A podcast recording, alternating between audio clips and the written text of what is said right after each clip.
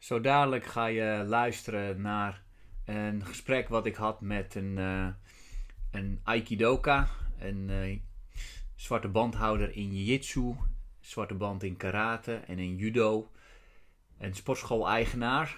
Um, in het kader van uh, de succesvol starten series. En tijdens de opname van deze podcast zitten we midden in COVID-19 crisis. Althans, voor sommigen een crisis en voor anderen een kans. En dat is precies waar we het over gaan hebben. Veel luisterplezier.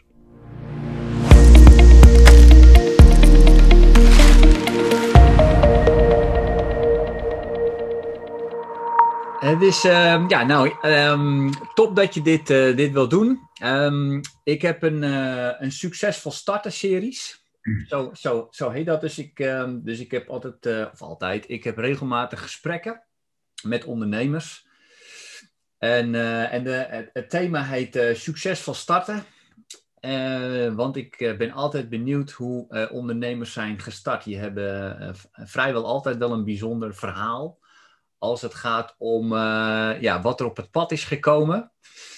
Ehm, waardoor er ja, wendingen zijn gebeurd en ja, dat je nu op het punt staat waar je nu staat.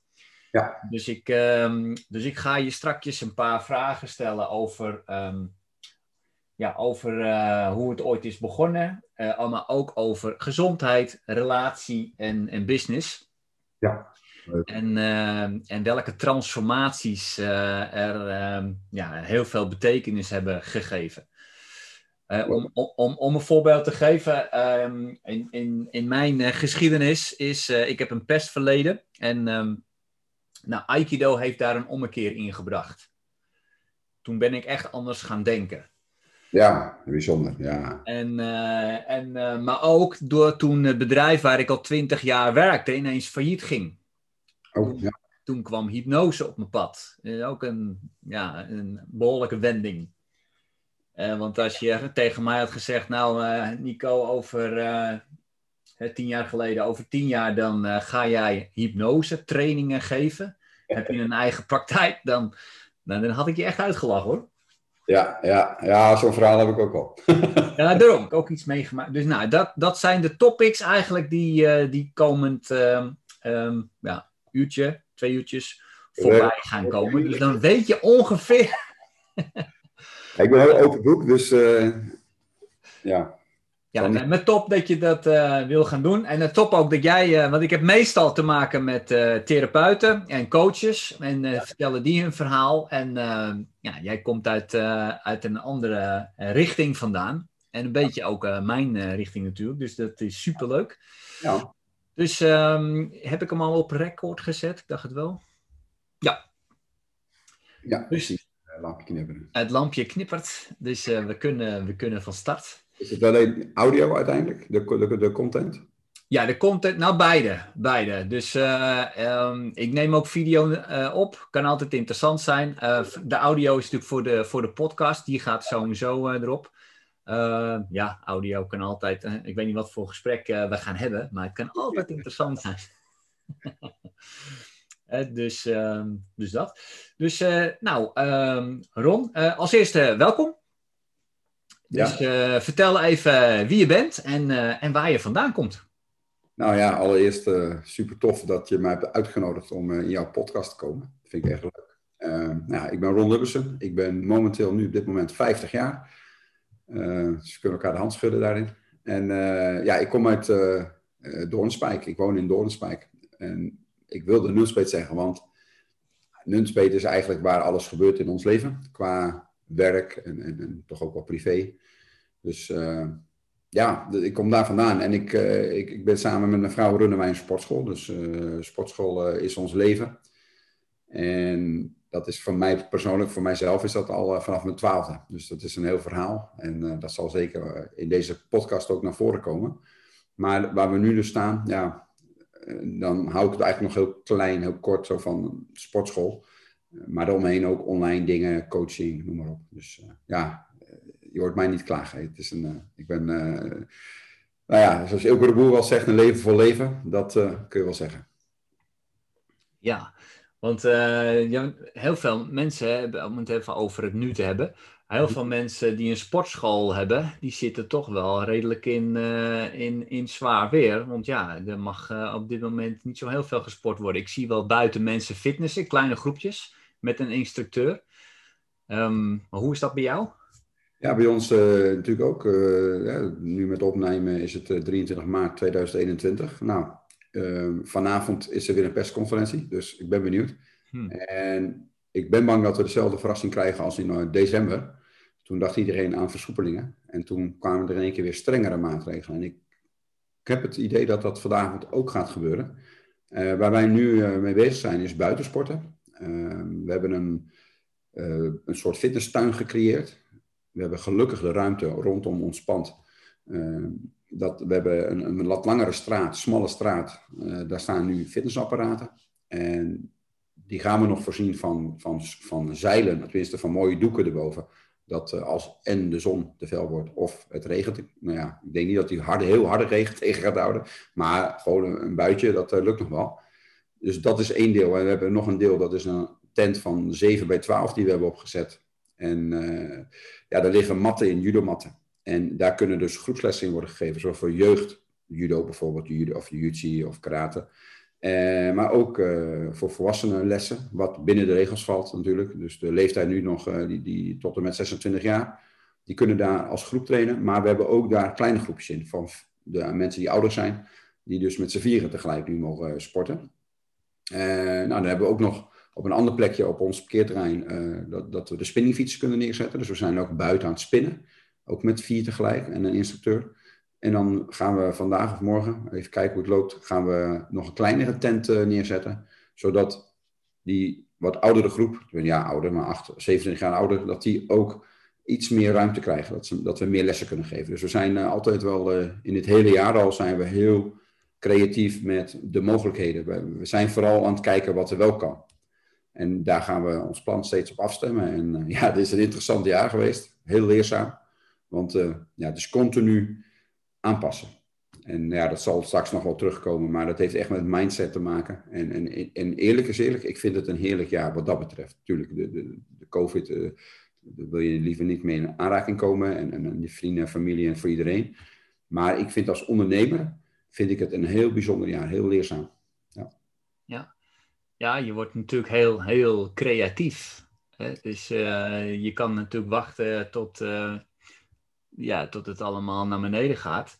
Of je kunt iedere kans aanpakken die op dit moment voorbij komt. Ja, ja, zo staan wij er echt in. Gelukkig mijn vrouw ook. Anita die is dat ook heel sterk. Uh, we hadden het er net nog even over. Van, ja, uh, ja je, je, leest ook veel berichten van, van vrienden of, of, of, mensen die wij kennen via de sport. Of, of nou ja, ondernemers ook.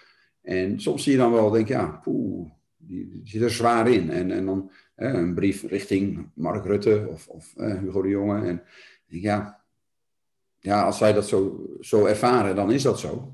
Maar ik denk, het helpt je niet heel veel als je blijft kijken naar wat er, wat er is afgenomen en wat niet mag. En als je kijkt naar, nogmaals, wat kan er wel? En ja, ja ik, ik, denk ook niet dat zij dat voor hun plezier uh, bedenken, die regels. Maar, dat, maar zelfs dat is niet aan mij om daar druk over te maken. Want ja, ik, uh, we, we, kijken liever naar wat we gewoon lekker kunnen doen. Ja, ja precies. En, uh, en daar had je het net al even over, dat uh, de mindset, want dit is de mindset die bij jou op de. Hè, dat, maar is dat altijd al zo geweest, deze mindset? Um, nou ja, nu, we, we, wij hebben elkaar ontmoet natuurlijk op Clubhouse. En op Clubhouse is er echt iets gaande. Uh, dat, dat er worden hele mooie open gesprekken gevoerd. En ik, ja, wat ik nu zelf, waar ik mezelf dan uh, nou ja, op betrap, klinkt zo negatief, maar dat ik in al die gesprekken kom ik er toch wel achter dat ik al best wel lang in ieder geval in deze mindset zit.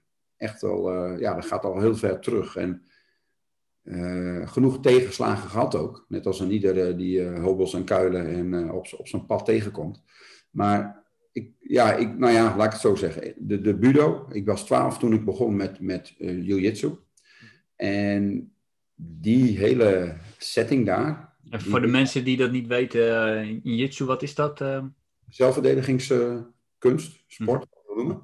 maar ja, ik zeg altijd budo, mijn leven is vooral door budo. Budo leg ik altijd simpel uit. als dat je in Nederland zegt, nou, basketbal, voetbal, volleybal, korfbal zijn balsporten. Zeg ik even heel makkelijk gezegd, de Japanse krijgskunsten zijn budo-sporten. En ja, dat, dat, ik denk dat daar wel de basis, of dat, dat weet ik wel zeker, dat is de basis van hoe ik er nu in sta. Dus door al die jaren heen, dat ik, nou ja, ik begon natuurlijk met mijn eerste leraar. Uh, daarna ben ik ook karate erbij gaan doen. Dus dat was een andere leraar. Uh, ben judo erbij gaan doen. ik ben tijdje kickboksen. Ik heb verschillende dingen gedaan. Kempo heb ik nog een, nou, denk een jaartje gedaan bij. het was er steeds bij. Dat, die, die drie basis die zijn altijd gebleven.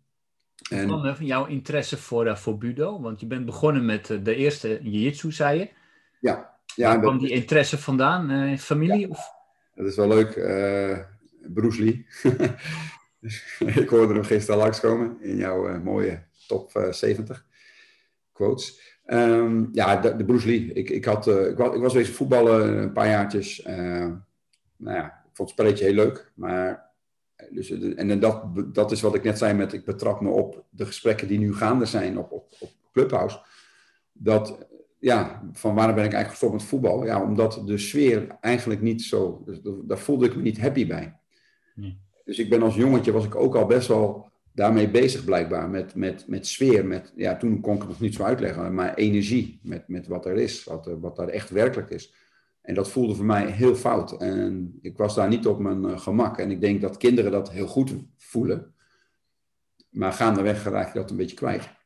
Maar ja, dus ik had toen al zo van, ja, ik, ik wil wat anders. En nou ja, ik keek heel veel uh, films. Uh, je had, toen de tijd had je, de, net als dat je de leesmap had, had je ook uh, een soort van videobezorgdienst. En dan kon je allerlei films aankruisen en dan werd dat in de komende twee maanden werd dat bezorgd. Kon je een week naar die film kijken. En daar zat natuurlijk ook ja, de Bruce Lee films bij. En Bruce Lee heeft mij echt enorm geïnspireerd om, om, om daar ja, de, zoektocht van te maken van hé, hey, wat, wat, is dit en hoe kan ik dit ook?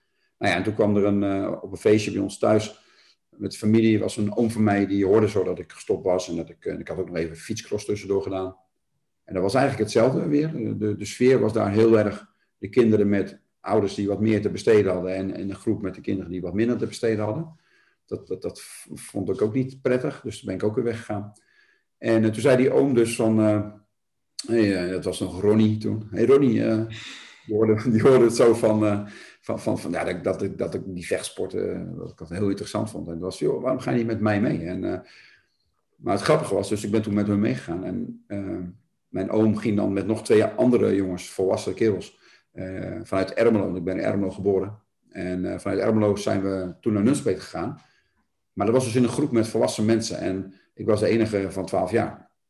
En ja, dat was wel een, ja, ook heel mooi echt vanaf het begin dat ik daar binnenkwam en dat judopak uh, aan mocht trekken en, en, de mat opstapte. Ja, dat was echt magisch. En het is niet uh, mooi gemaakt dan het is. het is. Het, was echt magisch. En ook denk ik door de sfeer eromheen. Dat je als enige ja, jongen van 12 tussen echt gasten van 18 jaar en ouders staat. En er zaten ook echt mensen bij die gewoon al nou ja, 50, 60 waren. Die, die ja, bruine banden, dus noem maar op. Um, ja, heel bijzonder. En dan de leraar, uh, heel, heel mooi hoe het allemaal gelijk ging. En, en de gastvrijheid, de openheid. Ik ben enorm geholpen in die groep om, om nou ja, erin te komen. Om, om mijn ruimte te kunnen nou ja, opeisen, maar om mijn ruimte te nemen. En ja, daar, daar is echt, uh, ja, dat was een hele mooie stap om, om, om dat te gaan doen. En ik had er heel snel van, ja, dit is wat ik wil gaan doen. Dus dat was mooi. Ja, ja, mooi. Dus, uh, dus dat, dat, ja, je, jouw jou, honger naar meer kennis uh, over de martial art, die, uh, die werd alleen maar groter dan. Ja, ja want het is, ik weet nog, het was donderdagavond, was die les. En nou ja, op een gegeven moment, ja, dus, zaterdags hadden ze vrije training. En dan, ja, daar kwamen alle sporten die ze hadden qua budo. Want ze hadden toen, was al best wel vooruitstrevende sportschool. Ze hadden toen ook al fitness en alles erbij, en danssporten en zo. Uh, maar de basis was natuurlijk de budo. Dus zoals in die tijd heel veel sportscholen. En uh, dus, dus bij die vrije training op zaterdag, dan kwam je ook in aanraking met die jongens en meiden van karate. En de leraar. En, en, en, en er was ook wel kickboksen bij.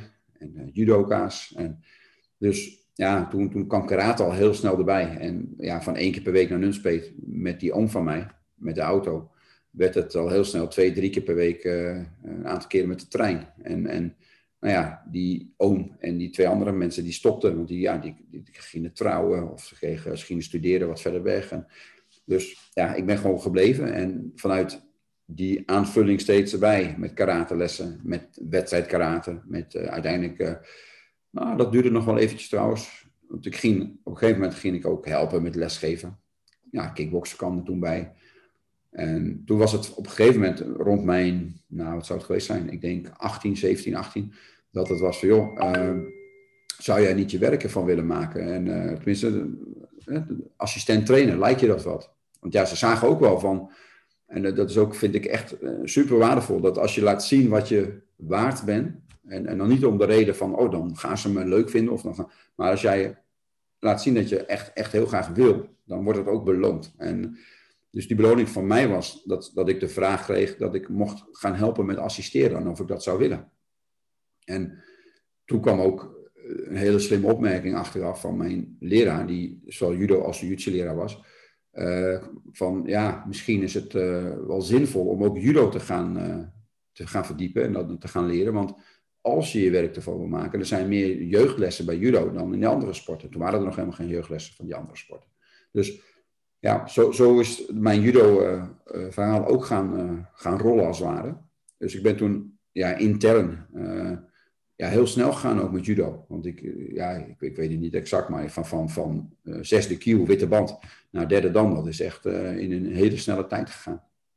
Die andere sporten niet, die zijn gewoon redelijk normale tijd. Maar dat was echt heel snel, omdat je intern ja, met, met de trainer en zijn assistent, ja, voor de, dan gingen we de sportschool schoonmaken en daarna gingen we trainen. En dan kwam, begonnen de lessen. Ja, nu ik dat zeg, dan, dan ruik ik en voel ik en is, het komt er allemaal boven. Dat is wel mooi. Maar ja, zo, zo, ik ben dus steeds meer gaan doen in die sportschool. En mijn honger inderdaad naar meer was enorm. Ik, uh, ja, ik, ik, ik, ben echt, uh, merk ik met andere dingen ook. Ik, als ik iets mooi vind, dan wil ik er echt in verdiepen, dan wil ik er meer van weten. Ja. Dus uh, ja, zo, dat herken ik wel. Ik ben ook zo begonnen met assisteren in lesgeven. En, en op een gegeven moment een kindergroep gaan lesgeven, all alone. Ja. Dat was wel uh, spannend. Stond ik ineens in Muppie. En uh, moest ik al die kinderen. Ik denk, nou ja, weet je wat, we, we, beginnen maar gewoon met spelletjes. Dat deed mijn leraar ook altijd. Een beetje de energie uh, afromen. En dan, en dan doen we daarna wel, wel een beetje het serieuze werk, een techniekje leren. Ik dacht het ook een keertje andersom te doen. Ik denk, ah, die kinderen moeten toch ook technieken leren. nou, daar was ik snel van, van genezen. Ja, dat, is, uh, dat, is, dat, is, dat vind ik zo mooi van lesgeven. En zeker aan kinderen. Dat, uh, ja, het is zo'n spiegel. Het is een spiegel, ja. Als je, als je iets doet en, en het, het, pakt niet goed uit, dan kun je denken, oh, waarom zijn die kinderen anders dan vandaag? Maar dan uh, kun je beter denken, wat doe ik anders dan? is bij jezelf kijken, want het is echt, ja, en helemaal kinderen met special needs. Dat, daar ben ik op een gegeven moment ook bij gaan doen. Dat ik scholen, nou, op scholen ging lesgeven met uh, samenwerking met de Judobond. Die hadden toen hele mooie projecten. En dat was eerst nog, dat was nog regulier onderwijs. En toen kwam ik in aanraking met Special Heroes. Een hele mooie organisatie die, die uh, speciaal onderwijs koppelt met, uh, met sport en hoe heet dat? cultuur dingen. Muziek en dansen, noem maar op. Dus ja, dat was echt, echt heel gaaf. En toen ben ja, ik heb heel veel lessen gegeven in, in speciaal onderwijs ook. En, en dan heb je het helemaal over een spiegel als je met kinderen met autisme werkt, dat, uh, ja, daar zat ik vanochtend nog aan te denken. Zo van, ja, die, die, die, uh, het ging over authentiek zijn. Als je, als je, authent, als je niet authentiek bent bij, bij een groep als, die ik net uh, voor, als voorbeeld noem, ja, dan, dan kun je het vergeten. Zij zijn zo puur, die kinderen. En als ik dan niet oprecht ben, om welke reden dan ook. Hè, ik, kan, ik kan bijvoorbeeld verdriet hebben omdat er iets gebeurd in familie. En ik ga een les geven en ik ga dat verbloemen, dan, uh, ja, dan, dan werkt dat niet. Als ik het gewoon zeg, joh, ik ben vandaag niet helemaal, want dit of dit of dit is er aan hand, dan is er niks aan de hand. En dat, dat is zo'n mooie les geweest, of lessen, uh, dat ja, zij hebben mij echt weer, weer verder gebracht op, die, uh, nou ja, op mijn pad. Dat is echt mooi. Ja. ja, die kinderen die kunnen je echt enorm helpen groeien. Want wat, wat je zegt, ehm, kinderen kunnen een enorme, fantastische leermeester zijn, omdat ze zo puur zijn. En ze zeggen meteen wat ze ervan vinden en hoe ze zich voelen. En ehm, en dat is meteen al een contradictie voor hoe ik ooit les heb gekregen op, op de lagere school. En de leraar die eh, had aan iedereen iets uitgelegd, um, sommetjes. En, en, maar ik begreep het niet.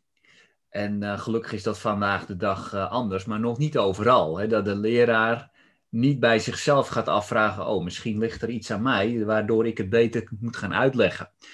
En ik heb een leraar gehad die eh, echt zei van, eh, snap je het nu nog niet? En, en die um, gedachtegang heb ik bewust of onbewust altijd wel meegenomen in mijn eigen lesgeven. Ik wilde altijd dat het kind zich, zich goed voelt, zich authentiek voelt en gewoon er mag zijn in de dojo. En, uh, en, dat, en dat hield ik altijd heel goed in de gaten. Dus ik vind het, uh, en wat jij nu zegt, um, ja, dat resoneert enorm bij, mij, bij mij ook. Um, want het komt meteen tot de volgende vraag. Op een gegeven moment ehm, ehm, heb je besloten om er dan ja, full professional in, in te worden. Maar was dat een, ja, een simpele stap of, of, of, heb je toch wel even nog twijfels gehad? Nee, dat was, was een hele simpele stap. Als er, als, er, als er wat twijfel is geweest, dan is dat vanuit de familie. Mijn ouders, die dan zo van, joh, ja, is ook zo. Ja, ik, ik heb gewoon, mijn opleiding is LTS geweest. En uh, ja, zoals tenminste, ja, ik, ik had echt van ja, het boeide me helemaal niet. En uh, er werd ook niet gestimuleerd om te gaan studeren of wat dan ook. En, en dus het was, uh, nou ja, ik ben de jongste, ik kom uit een gezin van vijf, dus drie kinderen, drie jongens. En ja, die oudste, mijn broers waren allebei, ja, de ene had trouwens wel een MAVO-programma, die is toen later alsnog naar de LTS gegaan. En het was echt van, ja, doe me normaal, doe je gek genoeg. En uh, met je handen verdienen, timmerman of wat dan ook. Met alle respect. En, maar dat, ja, ik, ik ging naar de LTS. En ja, zo van, ja, opletten, ja, net, net genoeg doen wat nodig was. En, want het, ik, had er niet veel mee. Ja, ik vond wel, wat ik toen al wel leuk vond, was natuurlijk wel het groepsverhaal. Dat, dat vond ik wel heel leuk. Dus ik heb wel heel veel lol gehad. Ik heb niet een hele vervelende tijd gehad op school. Maar wat, wat ja, op een gegeven moment het was van ja, dat sporten. Ik was twaalf toen ik begon. Dus ja, dat was net zo'n beetje voordat ik naar het voort, voortgezet onderwijs ging. En toen was het, uh, ik denk ja, dat ze in klas 1 er al over verteld hadden, dat als je C-niveau gaat doen, dat was, toen nog B en C-niveau binnen LTS, kon je kiezen in de derde klas. En als je C-niveau had gedaan, dan kon je met de vervolgopleidingen weer, weer wat verder. Ik had toen, dat boeide me toen helemaal niet. Dus ik, zeker moment had ik al wel besloten, ik wil heel graag die sport in. En, want ik, ik deed de schildersopleiding uiteindelijk binnen de LTS. En, want ja, dat verder spuiten, dat vond ik wel heel bijzonder. ja, daar wil ik daar wel iets meer over weten. Het schilderen zelf, dat boeide me nog niet zo. Maar oké. En, en toen was het, uh, ja jongens, wat willen jullie gaan doen? Hè? En uh, ik zei, ik wil graag naar het CIOS. Ja, dan heb je C-niveau nodig. Dus, en dat deed ik niet. Dus dat was, uh, ja, een gemiste kans wat dat betreft. Maar achteraf ben ik heel blij mee. Want als ik wel had gedaan, C-niveau, dan was ik waarschijnlijk naar de SEALS gegaan. En dan had ik ja, dan weet ik niet wat er gebeurd was uiteraard. Maar dan had ik niet de tijd gehad, denk ik, die ik nu had, uh, die ik nu kon besteden aan, uh, aan dat stukje van overgaan naar professioneel. Want ik was schilder, trouwens, dat is niet waar. Ik ben vanaf school, ja, dat weet ik nog wel, ik was klaar. En toen had mijn vader had wat schade aan zijn auto. En die, eh, die auto ging naar de spuiterij. En ik was meegeweest met het eerste contact en een keertje tussendoor nog even eens kijken daar. En, nou ja, toen we hem gingen ophalen en, en ja, ja, verre vlucht vind ik sowieso heerlijk, zeker zo'n spuiterij. dat was ook mijn reden dat ik toch daar maar voor gekozen had, voor de schildersopleiding. Dat spuiten, dat, ja, heeft voor iets. En uh, dus ik was daar bij die autospuiterij en toen dacht ik van, oh, dit, lijkt me wel mooi. Die auto gaat met kreukels naar binnen, die komt er weer helemaal uh, glanzend uit. Ja, dat is wel mooi, uh, mooi iets.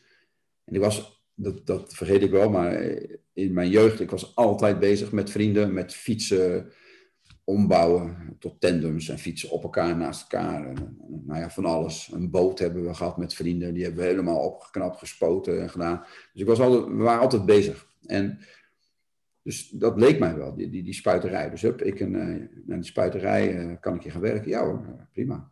Dus er was een familiebedrijf, ook heel veel van geleerd in dat jaar. Ik heb één jaar gewerkt. Ik heb nooit zoveel ruzie gehad. Uh, nou, ik niet, maar, maar mijn collega's, die, die, die waren allemaal familieleden. Eén gezin en een neef. Dus heel leerzaam, echt heel leerzaam. Ik, het was best wel vervelend dat ze altijd ruzie hadden. En ik kon er ook wel weer om lachen, maar, maar sowieso de inzichten die ik daar heb geleerd, ja, van hoe je niet met elkaar om moet gaan. En wat er gebeurt als je achter elkaar, achter elkaar gaat, uh, achter elkaars rug om, gebeurde er natuurlijk van alles in, in, in, dat verhaal. Dat was heel vervelend, maar wel leerzaam. En, maar ja, super ongezond. Dus ik, nee, dat, ik stop hiermee. Dus ben ik naar een schildersbedrijf gegaan ben gaan schilderen en daar ben ik in het glaszetten terechtgekomen. Dat vond ik wel heel gaaf. En ik, ben, ik ben heel snel gaan werken. Met mijn 16 was ik aan het werk. En toen was ik, uh, nou ja, een jaar later de schilder. En daar ben ik dus overgegaan naar glaszetter. En toen kwam militaire dienst. En bij het glaszetten, dat was ook wel een mooi dingetje. Ik werkte bij een grote schilder, die dus echt het hele land doorging. En ook met het glaszetten, dat was allemaal nieuwbouw. En toen kwam ik, hadden we één keer een klusje in Harderwijk. En uh, dat bedrijf zat ook in Harderwijk. En ja, er was nog een glaszetter een paar huizen verder bezig. En die jongen die ken ik vanuit Ermelo, waar ik vandaan kwam. En er was, hé, hey, Ron, doe jij glaszetten? Ja, dat wist ik niet. En uh, nou ja, fijn. Hun hadden nog een plekje. Wil jij dat? Uh, nou, dat lijkt me wel gaaf. Ik kwam ook een hele mooie les uit trouwens, want ik moest ontslag gaan nemen. En ik was best wel een verlegen jongen wat dat betreft. En dus ik naar die, naar die, die, die, ja, ik weet niet hoe dat heet. Uh, die staat tussen de werkgever en de werknemer in, met zo'n groot schildersbedrijf. Maar ja, die was echt altijd op de, in, in, in de hal, aan zeggen, de, man die alles regelt. Dus ik zeg, uh, Henk, ik zeg, ja, ik, ik, ik, wil stoppen. Ik wil ontslag nemen. Nou, dan moet je maar naar boven, naar de, naar de directeur. Dus ik naar de directeur. En nou, die kreeg, kreeg een hele preek van. van ja, je hebt hier het vak geleerd. En ik was echt in tranen. Ik was echt zo, zo, zo bleu was ik. Echt zo van, wow, wat is dit dan? Alles geleerd. Ik heb hier nog geen anderhalf jaar gewerkt. Waar heb je het over? Dus, fijn, ik weg en naar die plaatselijke glaszetter. En daar kwam op een gegeven moment het moment van dat mijn uh, leraar, uh, nou ja, ik, had, uh, ik was ondertussen al, ik was iedere avond daar in de sportschool en zaterdag. En, dus ik was heel veel aan het assisteren en aan het trainen. En toen zei hij, joh, kan je niet een werk zoeken waarbij je half-half gaat doen? Nou ja, dat heb ik een tijdje echt oprecht gedaan, maar dat lukte niet echt. Nou ja, toen op een gegeven moment, toen zei hij van, nou, ik heb goed nieuws. Uh, we kunnen je een contract aanbieden per 1 januari, dat was in 1992. En, um, want, ik, oh ja, want ik was in militaire dienst geweest en toen kwam ik nog terug bij die glaszetten. En, en toen kwam dat verhaal, dus ik was, uh, nou ja, 22 toen ik begon officieel. Of 21, want ik moest nog 22 worden dan dat jaar. 92. En... Um, nou ja, ik kreeg dus een contract aangeboden, maar um, dat was nog even zo dat we gingen met de sportschool een nieuw bouwen. En we gingen dan van één zaal naar twee zalen. En dat zou opening zou in, janu of in september plaatsvinden. Dus toen was het van, nou, was wel heel netjes. In januari kreeg ik uh, al een contract, dat ik vast werk uh, had en uh, dat ik daar echt fulltime ging werken. Maar ik had nog niet gelijk fulltime lessen en alles. Dus ik heb heel veel, in dat eerste half jaar, heel veel ja, kunnen shoppen bij alle lessen die ze hebben. En toen ben ik uh, in, twee, ja, in, september toen we open gingen, toen kreeg ik steeds meer lessen ook. Want hadden we in één keer twee zalen tot onze beschikking. Dus die stap van echt professioneel les gaan geven was aan de ene kant heel makkelijk. Aan de andere kant praktisch was het uh, nog even een beetje zoeken hier en daar. En natuurlijk in die, in die tijd van ja, vanaf mijn achttiende totdat het daadwerkelijk gebeurde, heb ik uh, sowieso de fitnessopleiding gedaan. dus dat was allemaal in de weekenden. Nou ja, toen kwam ook de judo-opleiding, ook in de weekenden. Het was eerst judo jeugd en toen judo A en judo B. En toen heb ik jiu ook nog een uh, opleiding uh, gedaan. Dus ik heb ook in die, al die tijd, in, in, nou ja, tussen mijn 18e en pak een B 30, heb ik heel veel weekenden ja, gestudeerd, school, cursussen. Dus dat was, uh, was een, ook een hele drukke tijd. Ik was nog wel vrijgezel, dus dat scheelt. En ik, woon, ik heb best wel lang thuis gewoond ook. Tot mijn ik denk 27 of zo.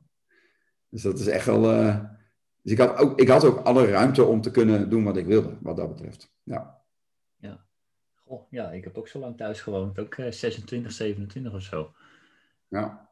Dus, uh... Ja, Ja, helemaal geen spijt van niks. Uh, geweldig. Ik heb een hele mooie, mooie jeugd gehad. Wat ik net al een keer zei tussendoor. Van, bij ons was er altijd wat te doen. We woonden in een nieuwbouwwijk. En was altijd uh, met, met voetballen en nou ja, tikketje, verstoppertje. Wij zijn altijd bezig geweest buiten. Dat ging, ja, brommertijd. En dat zeg ik net al. We hebben zelfs een boot gehad met een stel vrienden. En dan, uh, ja, trekker van mijn opa. En dan reden we als 16-jarige met trekker en een boot. En dan door het dorp heen natuurlijk. Je wilde gezien worden. En dan gingen we lekker varen. Maar ja, dat was een korte duur, want we hadden natuurlijk helemaal niks voor elkaar. En de waterpolitie had ons snel in de, in de gaten. hey, en, en waar heb je in militaire dienst gezeten, rond? Ja, uh, Venlo. Ik heb ik, ja, dat is ook zo mooi. Ik uh, kreeg de oproep.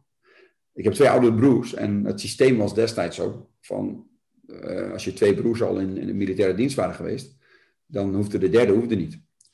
Dus ik, ik dacht, nou ja, ik hoef sowieso niet. Maar bleek nou, zij zijn allebei uitgeloot, omdat er toen best wel veel deelnemers waren. Dus toen nou, hadden, deden ze met uitloten en hun waren allebei uitgeloot. Dus ze zijn allebei niet geweest. En, dus dat was, uh, ik had mijn dienstplicht, uh, moest nog wel aan voldoen. Dus. Maar ook dat was fantastisch. En ook weer heel veel mooie dingen geleerd. En ja, ik zal er zo even een voorbeeld bij halen. Was, daar heb ik echt geleerd dat authentiek zijn heel, heel, heel veel met, ja, dat het ontzettend mooi is en belangrijk. Maar in Venlo heb ik gezeten. Blerik, de, de rijopleiding. En ik had net mijn rijbewijs gehaald. En ik kom echt uit een chauffeursfamilie. Bij ons zijn echt heel veel mensen chauffeur. Ooms en neven en mijn vader en mijn broer. Andere broer, maar die is ondertussen wel wat anders gaan doen. En, uh, dus ik had zoiets van, oh mooi, dus dan ga ik mijn vrachtwagenrijbewijs halen. Want ik heb al mijn B-rijbewijs, dus uh, dat komt helemaal goed. Maar ja, toen kwam ik daar en uh, was ook wel iets. Ik dacht, nou, ik ga een beetje stoer doen. Ik ga vrij laat naar binnen ik ga een beetje laten zien dat ik uh, nog wel eigen baas ben over mijn tijd. Dat idee, denk ik. En uh, nou ja, toen kwam ik dus bij de landrovers terecht in plaats van bij de vrachtwagens. Dus dat vond, achteraf gezien uh, vond ik dat wel jammer. Maar dat was een mooie tijd. We hebben daar nou ja, heel veel rijlessen gehad. we hebben ook wel een beetje dienstoefeningen, echt wel een keertje bivak gehad en zo. En ja, daarna nog twee weken in Vught voor de radioopleiding. Dat je zo'n radio in je auto niet de FM-radio, maar dat je kan communiceren met, met andere soldaten. En uh, toen ben ik uh, voor de rest van mijn diensttijd naar Weesup uh, gegaan. Dus dat was mooi bij ons redelijk in de buurt. En ja, daar was ik chauffeur van de kapitein. Van, ja, die, die, die dus ja, de kapitein van de compagnie waar ik bij zat. En ja, die man die ging nooit weg. Dus ik had echt niks te doen. Echt helemaal niks. En op oefening was ik heel druk. Dat was echt gaaf. Maar op de kazerne had ik echt, uh, ja. Dus ik ben op een gegeven moment ben ik maar werk gaan aanvragen voor jongens uh, bij de garage daarvan onderdelen halen. Dus dan kon ik mooi, uh, was ik de hele dag weer op pad om onderdelen te halen. Dus ja, als ik daar nu terugkijk qua persoonlijke ontwikkeling, denk ik echt van wauw, best wel gaaf eigenlijk. Het zou best goed zijn, denk ik, als er weer zoiets terug zou komen. Want ik heb daar wel stappen gemaakt. En van, van, van voor jezelf opkomen. En wat ik net al zei, dat, dat voorbeeld uh, in dienst leer je natuurlijk uh, bier drinken als je dat nog niet deed, alcohol. En ik sport natuurlijk heel veel. En ik, het was zo mooi. Dat, uh, dat was dan ja, in Venlo, maar ook in Weesup. dan ging je met z'n allen drinken. En dan was het... en Ron, nee, ik drink niet. En hoezo niet? Ja, nee, sporten, zo en zo. Ik zat toen echt vlak voor een zwarte bandexamen van karate, dat weet ik nog wel. En toen had ik echt van, nee, niet. En dat werd gelijk geaccepteerd, omdat ik daar helemaal niet uh, moeilijk over deed of wat dan ook. Ik ging er niet omheen draaien. Ik, ik, gewoon, ja, ik drink niet, zo en zo, klaar. En we gingen naar Venlo bijvoorbeeld met een groepje van vier. En één jongen die kwam, uh, ja, het dorp naast ons, Putten. Echt een klein dorpje. En ja, die jongen die was denk ik nooit van de boerderij geweest. Ja, om naar school te gaan en naar de kerk en meer niet, denk ik. En die ja, die is zo dronken geweest daar. Dat is niet normaal. En tegen zijn wil in. Hè? Ik bedoel, uh, tenminste tegen zijn wil. Maar die hebben ze echt ja, bewust dronken gemaakt. En, en ik zag heel duidelijk het verschil van... Hé, hey, waarom zeg je nou niet gewoon echt nee? En dat was voor mij echt een eye-opener. Toen al van... Maar dat is denk ik het voordeel. Ik, ik gaf toen al les. En dan ga je... Ik denk dat dat de reden is. Dat je dan toch al anders gaat kijken naar gedrag van mensen. Hoe reageren mensen en doen. En ik had toen echt van... Oké, ik ben heel puur. Ik zeg gewoon waarom ik niet drink. Het wordt geaccepteerd. En zo'n jongen die er dan omheen draait, dat hij eigenlijk niet mag drinken. En, en misschien ook wel niet wil, maar misschien ook wel een beetje wel. En ja, dat ging helemaal mis. Dus ja, dat was wel eye-opener. En, en zo natuurlijk ook heel veel andere dingen in, in het leger. Maar ja, het was een mooie tijd, absoluut. Ja, ja dat herken ik wel, uh, Ron. Kijk, als je in, uh, in een wedstrijd tegenover iemand staat, of, of van mijn part in een training, dan, uh, dan sta je tegenover iemand van nou, hè, en je bent zeker van, van al die dingen die je getraind hebt, dus je hebt een bepaalde gemoedstoestand daarin. Maar dat is natuurlijk hetzelfde als iemand iets vraagt aan je en je staat er 100% achter van nou, doe ik gewoon niet, klaar. Er is geen ruis in je stem, er is geen twijfel en iemand accepteert het ook meteen, want die merkt onbewust of bewust, oh, die, die, eh, er is geen spel tussen te krijgen hier. En, uh, en dat komt echt dan uh, echt wel daardoor. Dat, uh, dat merk ik ook. Ja, pas later ben ik dat ook gaan ontdekken. In het begin ben je er gewoon mee bezig, zit je er niet in. Maar later, um, dan denk ik toch, ook, ik leid natuurlijk mensen nu ook op um, die ook trainer willen gaan worden bij ons in het instituut. En dan is die vraag me ook wel eens gesteld. En denk ik, ja, het komt toch ook omdat ik les heb gegeven voor de klas. Ik ben begonnen ook met kinderen, volwassenen. En uh, ja, nu kunnen mensen wel wat terugzetten, maar uh, zeggen. en toen niet, zeg gewoon, ja, dit en dit gaan we doen. Ik deed het voor en, en je doet het na.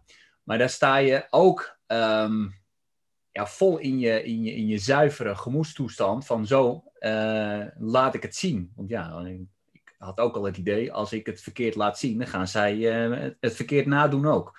Ja. En, dat, en, dat, ja, en dat als je jezelf daarin natuurlijk traint, en ja, dat, dat heeft ook in je gewoon dagelijks leven gewoon effect. Ik heb het, um, martial art heb ik nog nooit hoeven toe te passen in de praktijk, nog nooit.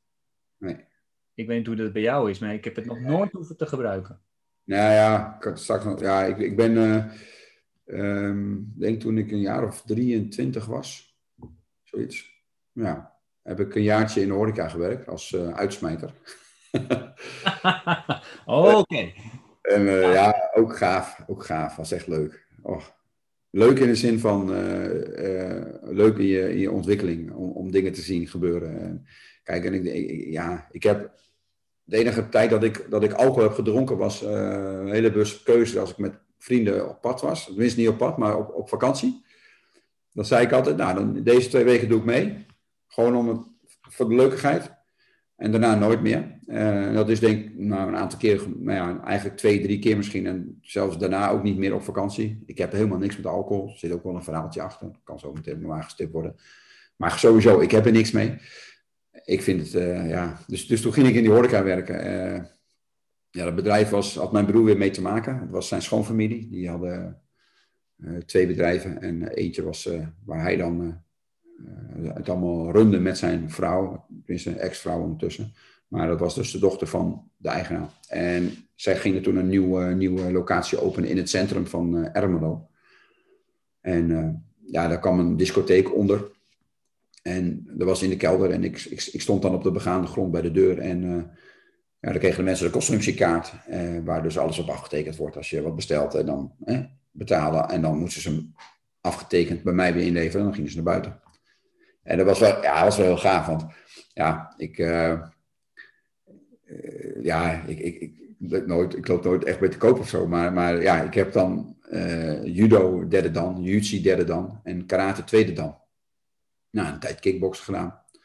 En dus, dus toen, toen op een gegeven moment was, ja, we zoeken nog een uitsmijter. En dus, dus toen was, wil je broer, eh, broertje dat niet doen? Ben altijd een broertje natuurlijk. Wil je broertje dat niet doen? En toen kwamen ze daarmee. En toen dacht ik, ja, je ego vindt dat natuurlijk heel leuk. en uh, ik dacht ja, nou ja, best, ik, ben niet, ik ben niet heel groot of zo. Ik ben uh, 1,87 meter, uh, 88.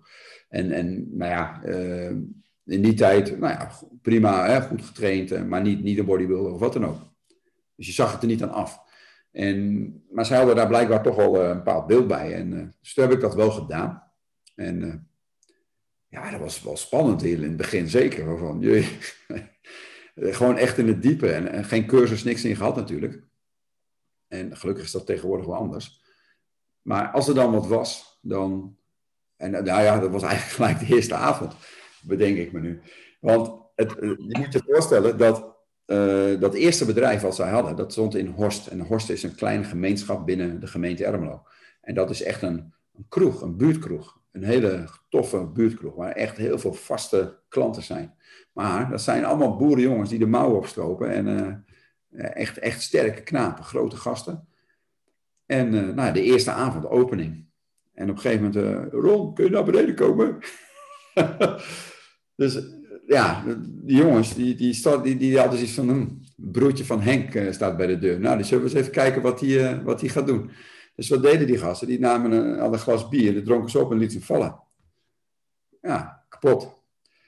Dus uh, ja, toen werd ik erbij gehaald. Dus ik denk, nee. En er waren echt van die loonwerkers, hè, van, die, van die gasten met boomstammen als armen. Dus ik denk, oh jongen, dus ik naar beneden lopen. En, en ik had echt van, oké, hoe ga je dit doen? En toen dacht ik, ja, er is maar één, manier. En dat is gewoon met die jongens in gesprek gaan. Dus ik er zo naartoe bij die tafel. Hé hey, eh, Ronnie, en, wat denk je? Dus, nou, ik zeg één ding. Ik zeg, uh, doe, je dit, doe je dit ook bij Henk? Mijn broer die stond dus, aan, dus in, in die kroeg. Ik zeg, doe je dit ook bij Henk? Gooi je daar ook de glazen zo kapot? Hè? Ah, nee hoor. En ik kreeg een klap op mijn schouder en het was goed. Het was, het was gelijk goed. En het was over. Nooit meer last gehad met die jongens. En ja, dat is zo mooi. En nou ja, ik denk in, in, in het jaar dat ik er gewerkt heb, heb ik nou ja, nog een keer zo'n soort gesprek gehad met iemand die echt helemaal ja, de weg kwijt was. En we hebben één keer gehad dat, uh, ja, dat, dat heb je toch een beetje met voetbalclubs. Hè? Dat als je meerdere clubs in één dorp hebt, dat is altijd wel rivaliteit. En uh, nou ja, toen ontstond er op een gegeven moment ook een gast met te veel drank. En ja, die stond met een kruk te zwaaien en te doen. En nou ja, toen was het ook van... Uh, werd ik geroepen natuurlijk. En nou ja, hij zei zelf al van hou Ron er maar bij, want ondertussen was Ron. hou Ron er maar bij, want die, die, die, dat, dat, dat is zijn werk. Nou ja, en ik ben naar beneden gegaan en echt tegen alle regels in. Die jongen heette Egbert. En ik zeg, Egbert, kom. Dus ik, ik, ik, ja, naar de nooduitgang, een trappetje naar buiten, omhoog. En ik ben met die jongen weggelopen. En ja, ik ben met hem in gesprek gegaan met het wandelen. We zijn denk ik een paar minuten vanaf het pand, niet eens zo ver, ik denk een paar honderd meter nog niet eens. Zijn we weggelopen. Zo ik denk, nou ja, mijn idee was de angel eruit. En, maar het gaat, dat ging ook vanzelf verder. Hè. Dat was het enige idee wat ik erbij had. En verder was het allemaal gewoon op de, ja, op de gok, op gevoel eigenlijk. En ik ben uh, met hem gaan kletsen. En dat was echt, uh, nou ja, we zaten allebei uh, met tranen in onze ogen te kletsen over, over emotie en weet ik veel wat. En ben weer teruggegaan met hem. En, en ik kreeg, toen ik binnenkwam, het was bijna sluitingstijd. En, dus toen was het al dicht. Toen waren ze al weg, waren ze al een beetje aan het schoonmaken. En kreeg ik, sommige collega's kreeg ik op mijn kop zo van, hoe kun je nou weggaan? En uh, maar is er wat gebeurd dan? Nee, dat niet. Nou, ik snap wat je bedoelt, maar er is niks gebeurd. Misschien gelukt, misschien niet. Nou ja, en die man, die, die jongen, die ben ik later nog eens tegengekomen. En er was nog, ah, weet je toch? Ja, ik weet het wel. Hij zei, ik wil je nog wel voor bedanken. Hij zegt, want ja, dat ging wel heel, heel soepel. En dat is eigenlijk, ja, gewoon door de jaren heen hoe, hoe, hoe ik in dingen sta. En blijkbaar is dat vrij rustig. En, en vertrouw ik vooral op mijn gevoel, wat mijn ingeving is om, om dat te doen. En dat is wel heel, uh, ja, dat is heel waardevol. Als ja. kompas. Ja, ja dat, uh, dat zeg je goed, Ron. Want kijk, uitsmijter en mensen met een martiale achtergrond die bij de deur staan en die daarmee uh, pronken, die worden dan ook getest. Ik heb dat één keer meegemaakt. Was ik zelf ook nog uh, jong. Deed ik nog helemaal niet uh, aan, aan Aikido.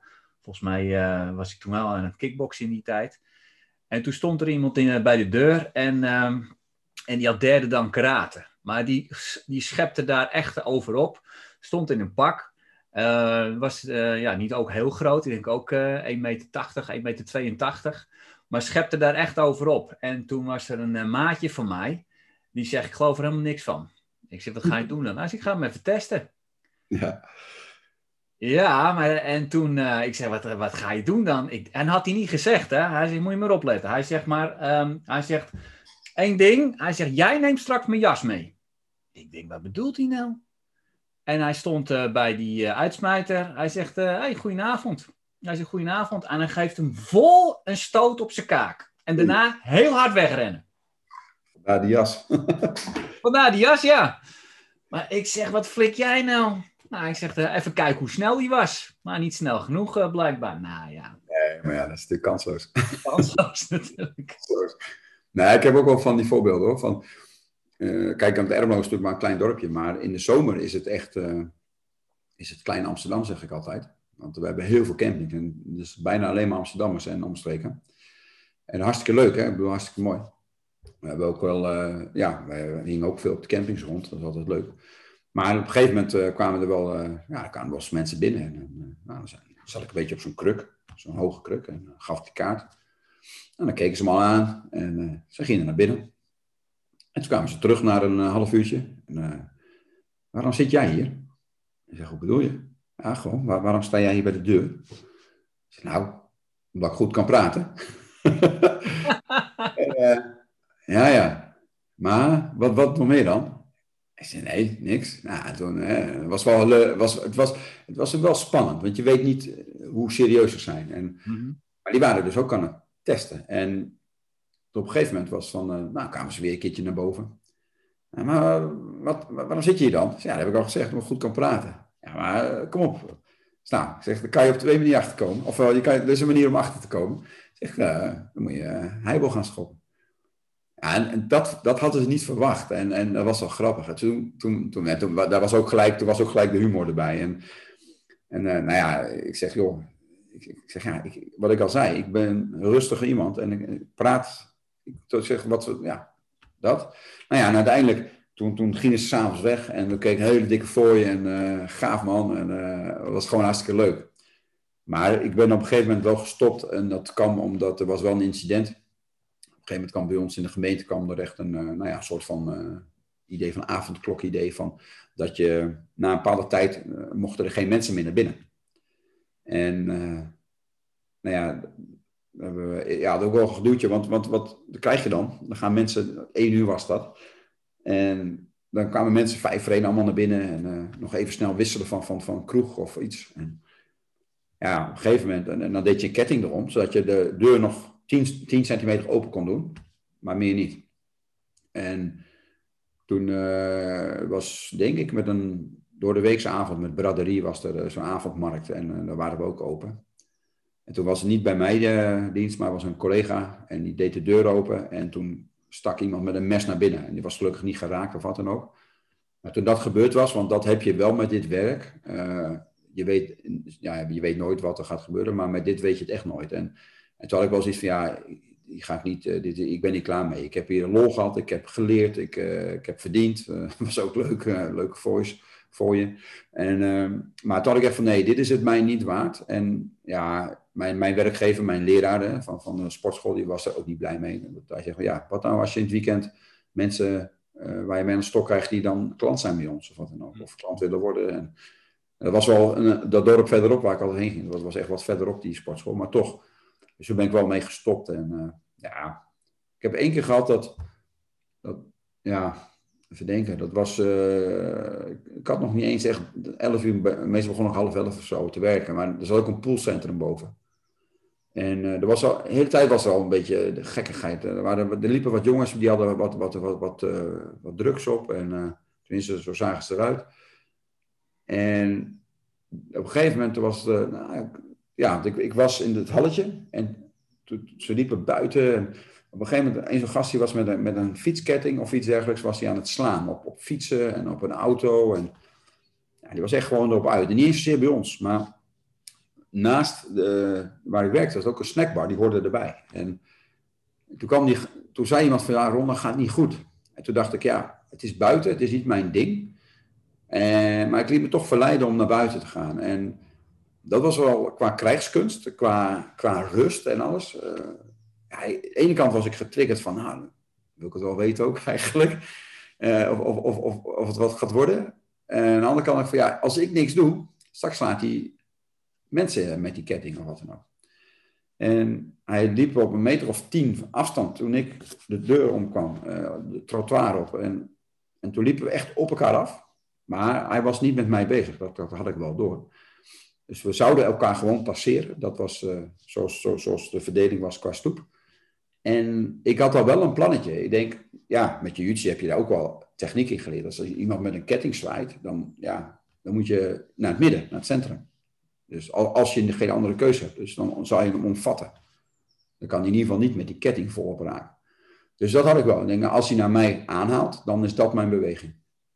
Nou ja, er gebeurde gelukkig niks. We liepen langs elkaar heen. En op hetzelfde moment dat ik hem passeer, kwam er een politieauto aanrijden. En toen, toen gingen zij er vandoor en werden ze iets later opgepakt. Maar dat, dat, dat was wel een ding dat ik denk van, hmm, het was niet slim hoor. Als er, zelf had, krijg je gewoon een knal met de ketting op je hoofd en dan is het gebeurd. En dat was denk ja, deels mijn taak, die eigenlijk niet mijn taak was, want buiten is niet, dat is niet de verantwoording van, van die kroeg. Die jongen kwam ook niet eens bij ons weg op dat moment. Maar ja, uh, ja, een stukje ego toch wel, van bewijsdrang misschien, maar ook, ook, ook wel verantwoordelijkheid, ja, van alles speelde daarmee. Maar wel weer heel bewust van, als, ik, als hij aanhaalt, dan, dan, dan ga ik naar dat centrum. Dan, dan pak ik me vast. En dan zien we wel weer. Maar en dan nog de laatste anekdote van die tijd, die is briljant. Ik was in dat poolcentrum en uh, er was een jongen, heette Koen. En Koen was destijds een jaartje of 16, was een heel klein kereltje. Koen, Koentje was het ook. Maar was een ontzettend leuke jongen. Uh, ja, die had het niet handig thuis. En die zat een beetje in de war soms. Die, die was daar gewoon en die, die, ja, dat was voor hem een beetje tweede thuis geworden. En uh, Koen, die, uh, die had er blijkbaar had hij een beetje gedoe met, met eenzelfde groepje jongens wat ik net eigenlijk omschreef. En het was niet op hetzelfde moment hoor, het was een andere dag. En maar er was een trappenhuis. Dus beneden helemaal was die, die disco. En, en, en op de begaande grond was een restaurant en resta en uh, cafetaria. En, en daarboven was pool. En ik zie dat zo in mijn ogen Want ik was een uurtje of zeven daar. En, en, later ging ik beginnen in die avond. Dus, maar ik was daar gewoon met vrienden ook. En ik zie, uh, ik zie die Koen, die zie ik weglopen. En ik zie die gasten erachteraan. Met een mannetje of vier. Maar Koen, ja, die heeft niks in te brengen tegen die jochies. Tegen die jongens. Dus die Koen die rent naar beneden. En beneden in het halletje staan een paar jongens. Die mij wel kennen van, van het werk en zo. Maar die hadden die koe niet naar buiten zien gaan. Dus je zien die jongens naar beneden. Een beetje, ja, toch wel in versnelling naar die trap, die trap af. En ik erachteraan. Dus in hun beeld zat ik die gast achteraan. In plaats van dat die gasten Koen achteraan zaten. Dus ik uh, zit erachteraan en naar buiten en kijken. Nou ja, niks aan de hand. En ik kom weer terug. En die gasten keken me echt aan van... Wat was dat dan? Ik zei, wat? Ja, die gasten, dat waren jongens van het kamp. Die jongens van het kamp die komen naar beneden. En jij rent erachteraan. Waren ze bang voor jou? Uh, nou, ga ik eerlijk zijn? Of word ik onsterfelijk? dus nee, ik zeg sowieso. Oh, dat was wel mooi. Maar nee, ja, een jaartje en dan nooit weer. Alhoewel, ik heb één keer daarna nog daar in diezelfde locatie, maar dat was een bruiloft. Jaren later werd ik gevraagd door de, mijn oude buurjongen. Die, zijn ouders waren gescheiden. En uh, die, uh, zijn moeder die ging toen hertrouwen met ja, ook een man een beetje uit de loesje hoek. nou, ja, de gokwereld. En ze waren toch wel, ze wilden daar toch ook wel graag wat mensen bij hebben die netjes in een pak daar rondliepen en dan de boel voor de als beveiliging. Ja, ja, weer ego denk ik. dus ik heb ingestemd en ik heb toen ook een, een jongen die, uh, die ik kende van karate, die, die kwam uit Apeldoorn en die, uh, die, die trainde was bij ons bij de wedstrijdploeg. Maar die, zat, uh, die had zelf een sportschool in Apeldoorn, zijn vader. En hij was ook heel vaak in de beveiliging aan het werk. Hij was echt professioneel daarin. Dus toen heb ik ook gezegd, nou, dat wil ik best doen. Maar dan wil ik wel die jongen erbij hebben, want dit is zijn werk en dit gaat mij iets te ver. Ah, er was niks aan de hand, er was echt helemaal niks aan de hand. Maar het was gewoon een relaxte avond. Maar nee, dat was ook echt het laatste wat ik in die wereld heb gedaan. Het is een gevaarlijke wereld, want uh, als je, ja, als je, ja, als je eenmaal denk ik daarin gaat zitten en, en je gaat vermengen, dan is er geen weg meer terug. Dus uh, nee, daar ben ik blij dat het, uh, die, die, dat jaartje was heel onschuldig. Er was niks, geen crimineels aan, maar die bruiloft, dat, ja, nee. Niet, ik heb geen gekke dingen daar meegemaakt, maar het had maar zo gekund. dus nee, dat soort dingen, dat raad ik aan om niet te doen. Ja, Nee, een, een, een, goede vriend van mij, die, eh, die doet het al, uh, denk ik, 15 jaar. En in die 15 jaar, um, nou ja, hij heeft steeds dikkere kleding aan, zal ik maar zeggen. Hij heeft een Kevlar vest en, uh, en ook een broek met speciaal materiaal. Dus het, uh, ja, het is er niet vrolijker op geworden aan de deur. Nee, maar dat is ook exact de reden dat ik gestopt ben toen, wat ik zei met dat, met dat mesincident bij de collega van mij. Toen, toen heb ik echt ook doorgehad. Ja. ja. Maar goed, wel weer uh, heel veel van, uh, van uh, geleerd. Ja, daarom. Ik zeg ook tegen jongeren waar ik nu mee te maken heb. Van jongens, als je in de horeca kan werken, doe het. Het is zo goed voor je ontwikkeling. Want ja, je, je, je, hebt met mensen te maken. Je hebt met mensen te maken die, die een verhaal kwijt willen. Je hebt met mensen te maken die, uh, nou ja, die, die lastig worden. hoe ga je dan daarmee om? En noem maar op. Dus, dus het is wel super leerzaam. En, en voor mij was het echt een heel, heel leerzaam jaar, absoluut. Ja. ja. Ja, want op een gegeven moment uh, ja, ben je toch uh, het ondernemerschap aangegaan. Um, kun je dat nog herinneren hoe dat ging? Ja, ja, ja. ja dat is wel grappig. Um, ik was altijd al wel een beetje bezig met uh, ondernemen. Um, dus, dus bijvoorbeeld toen ik een jaar of tien was, ging ik eieren verkopen langs de deur. Mijn opa die had een groentezaak en die, uh, ja, eerst, waren, was, eerst was hij echt een boertje met, met, met vee. En op een gegeven moment is hij stap voor stap overgegaan naar verkopen van aardappels. En, en nou, er kwamen op een gegeven moment groentes bij. En nou ja, eieren en van alles en nog wat. En toen ben ik in de nieuwbouwwijk bij ons, ben ik voor hem eieren gaan verkopen. Uh, met, met, met iemand die bij hun werkte, met een volwassen iemand. Maar ja, net als met dat sporten, die volwassen iemand die haakte op een gegeven moment af. En toen was ik nog alleen. Dus toen ging ik met mijn fiets en mijn fietskar ging ik eieren verkopen langs de deuren. En ja, dat heb ik denk ik gedaan tot een jaar of 10, 11, 12. Zou kunnen, weet ik niet. Maar ook dat was weer super leerzaam. En dat was echt al een beetje ondernemen. Want ik kocht in principe de eieren van mijn opa en die verkocht ik dan weer. Dus dat was wel, uh, dat begon het al. En nou ja, daarna in, in, die, in die tienerjaren, ja, toen kwamen de draadloze telefoons, niet mobiel, maar de huistelefoons. Dus dat heb ik ook nog wel een beetje gedaan. En van die cd's ken je misschien ook nog wel. Hè? Die, die, die, toen die illegale cd's, dat, dat die top 20 erop stond. En dan uh, had je altijd wel iemand in de, die dan die dingen had. En dan, uh, ja, dan, wat ik, maar wat ik dan deed, ik verkocht genoeg dat ik mijn eigen cd'tje gratis had. Zo van, dan, dan vond ik het genoeg. Meer hoeft niet. En dat was met die telefoon net zo. Dus ik was altijd wel al een, daarmee bezig. En er was ook wel van huis uit natuurlijk, dat het uh, op die manier, ja, dat werd wel gestimuleerd om, uh, om te gaan werken al vrij snel. Nou ja, en toen bij de sportschool uh, het, het, het, echt gaan ondernemen als, als, als van ja, mijn eigen sportschool. Ja, op een gegeven moment kregen wij de kans. Mijn vrouw, die, die, die heb ik, nou ja, het hele verhaal wat ik net vertelde, die horeca. mijn broers in dat bedrijf hebben zij, daar startte hun bruiloft destijds dus daar kwamen we samen en dan gingen we koffie en alles. En uh, mijn vrouw was daar ook, want die werkte in dat café waar mijn broeders uh, de uitbater was. En uh, zij was ook gewoon de hele dag alleen. En ik was ook de hele dag alleen als vrijgezel. En wij trokken toen heel veel met elkaar op. En toen was het raak. En dat was wel grappig, als je zo terugdenk, dat dat weer bij datzelfde pand was. Maar dus, dus Anita, die is ook in de sportschool gaan werken op een gegeven moment ook weer zoiets. Hij was vroeger al bezig met Doris D. en uh, thuisdansen. En, uh, ze wilde ook altijd al lesgeven met, met, met muzieksporten. En, uh, maar dat was nooit echt van gekomen qua opleiding en zo. En toen kwam ze, ja, toen hadden wij verkering. En ja, toen was het natuurlijk heel snel gefixt dat ze opleiding kon gaan doen. En volgens mij was haar eerste opleiding bodypump, als ik me niet vergis, van Les Mills. Dat is, was toen net nieuw. En nou ja, toen is zij dus ook in het bedrijf gekomen. En Um, even denken. Wij hebben het overgenomen in 2004. Ja. Ja, in januari 2004 hebben wij uh, hebben het overgenomen. En drie jaar daarvoor, dus 2001, uh, eh, zijn wij in de zaak gekomen. Omdat in die tijd had je best wel veel goedwil. Dat een systeem van goedwil betalen. Dus ja, ik denk dat ik, even kijken, 2000. Ja, rond, rond 2000, we zijn 99 getrouwd dat we rond 2000 al wel, uh, wel serieuze plannen hadden om, om het over te gaan nemen. En, en dat was ook wel besproken. Uh, ook hoe grappig hoe dat is gegaan. De, de accountant van dat bedrijf, die, uh, dat was ook een beetje klankbord voor, voor de eigenaar voor, voor, en zijn vrouw.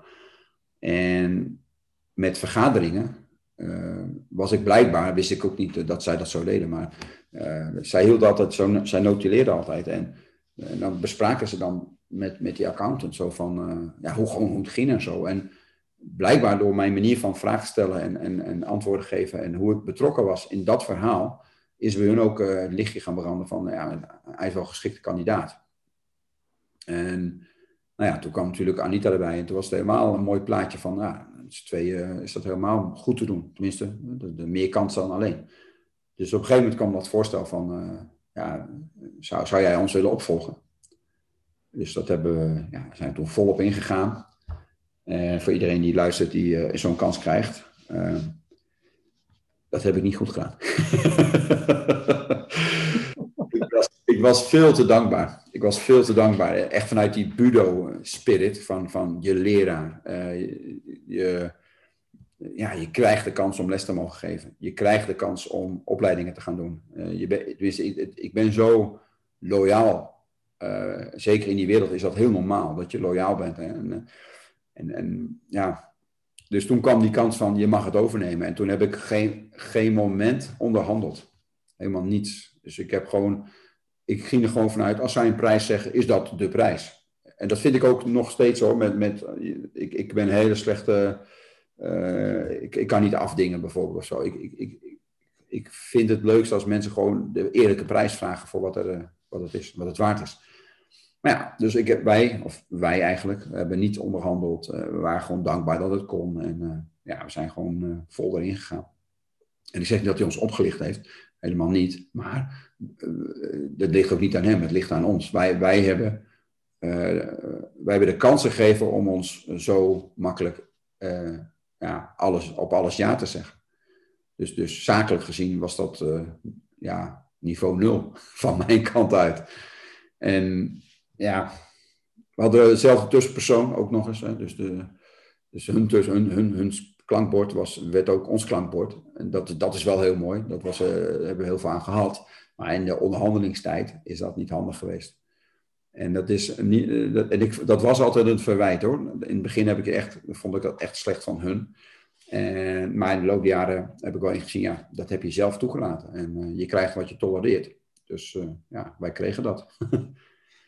En waar had het anders kunnen gaan? Nou ja, uh, als, als misschien iemand in mijn directe omgeving had gezegd, nee, dat gaat niet goed. Maar ja, ik heb ook geen hulp gevraagd. Dus ja, we kunnen het ook niet weten dat het niet goed gaat. Dus nee, dit, daar steek ik de hand wel in eigen boezem. Van, van uh, dat is echt wel... Uh, maar een mooie les. En ik had het niet anders willen doen achteraf gezien. Want we hebben toen flinke goodwill betaald.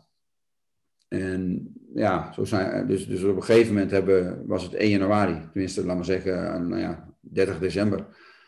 En uh, toen hebben wij echt letterlijk de pincode van het pasje gekregen en de sleutel. En uh, dat was de overdracht.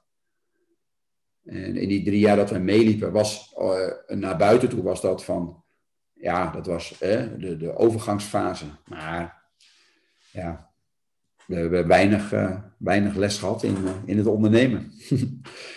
En ook daar zitten weer twee kanten aan. misschien zijn we ook in het begin uh, dat, het, dat er een poging gedaan is dat we wat eigenwijs zijn geweest, zou maar zo kunnen. Uh, hoe dan ook, het was er niet. En toen was het 1 januari en toen was het, ja, je hebt een sleutel en een, en een pas van, uh, van, van de bank.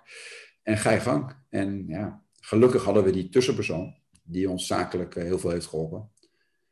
Maar ja, ja allemaal les, leergeld. En, dus wij hebben zakelijk dat die stap kwam, dat was uh, al redelijk snel in, het, uh, in, de, in, de, in de lijn. Van, van gaan assisteren tot diploma's halen, lesgeven, eigen lessen geven. Nou, Anita kwam erbij. Ja, en toen was het, uh, ja, toen kwam die vraag. Ja, dat was heerlijk, dat was echt mooi. En we hebben achteraf wel eens gezegd, we hadden misschien gewoon voor onszelf moeten beginnen. En dan had je het financieel heel anders ervoor gestaan waarschijnlijk. Waarschijnlijk, weet je nooit. En nu heb je gewoon best wel veel struggles gehad. Omdat je volle pond betaald hebt. En uh, ja, gewoon uh, ja, leergeld betaald op die manier. En, maar nogmaals, ik had dat niet.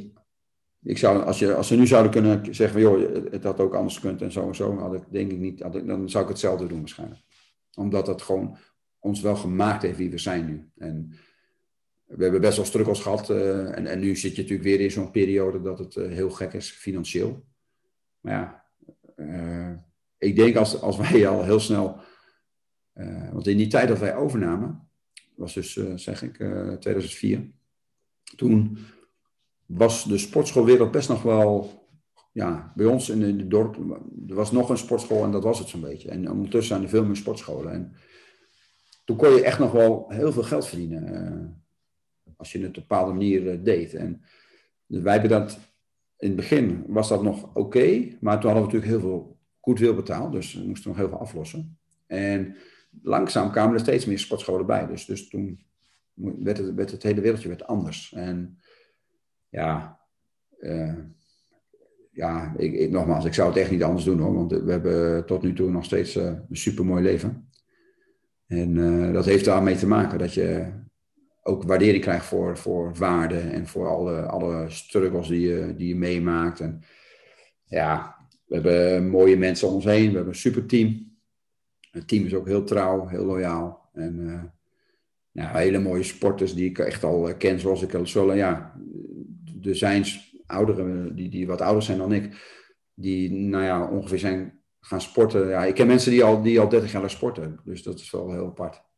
Die zijn nog steeds uh, sporten bij ons. Ja, want als je dus nu kijkt naar jouw onderneming, vanaf uh, zeg maar uh, nou ja, 2001 ben je erin gekomen, dan ben je er eigenlijk al aan, aan, het, aan het aan gaan bouwen.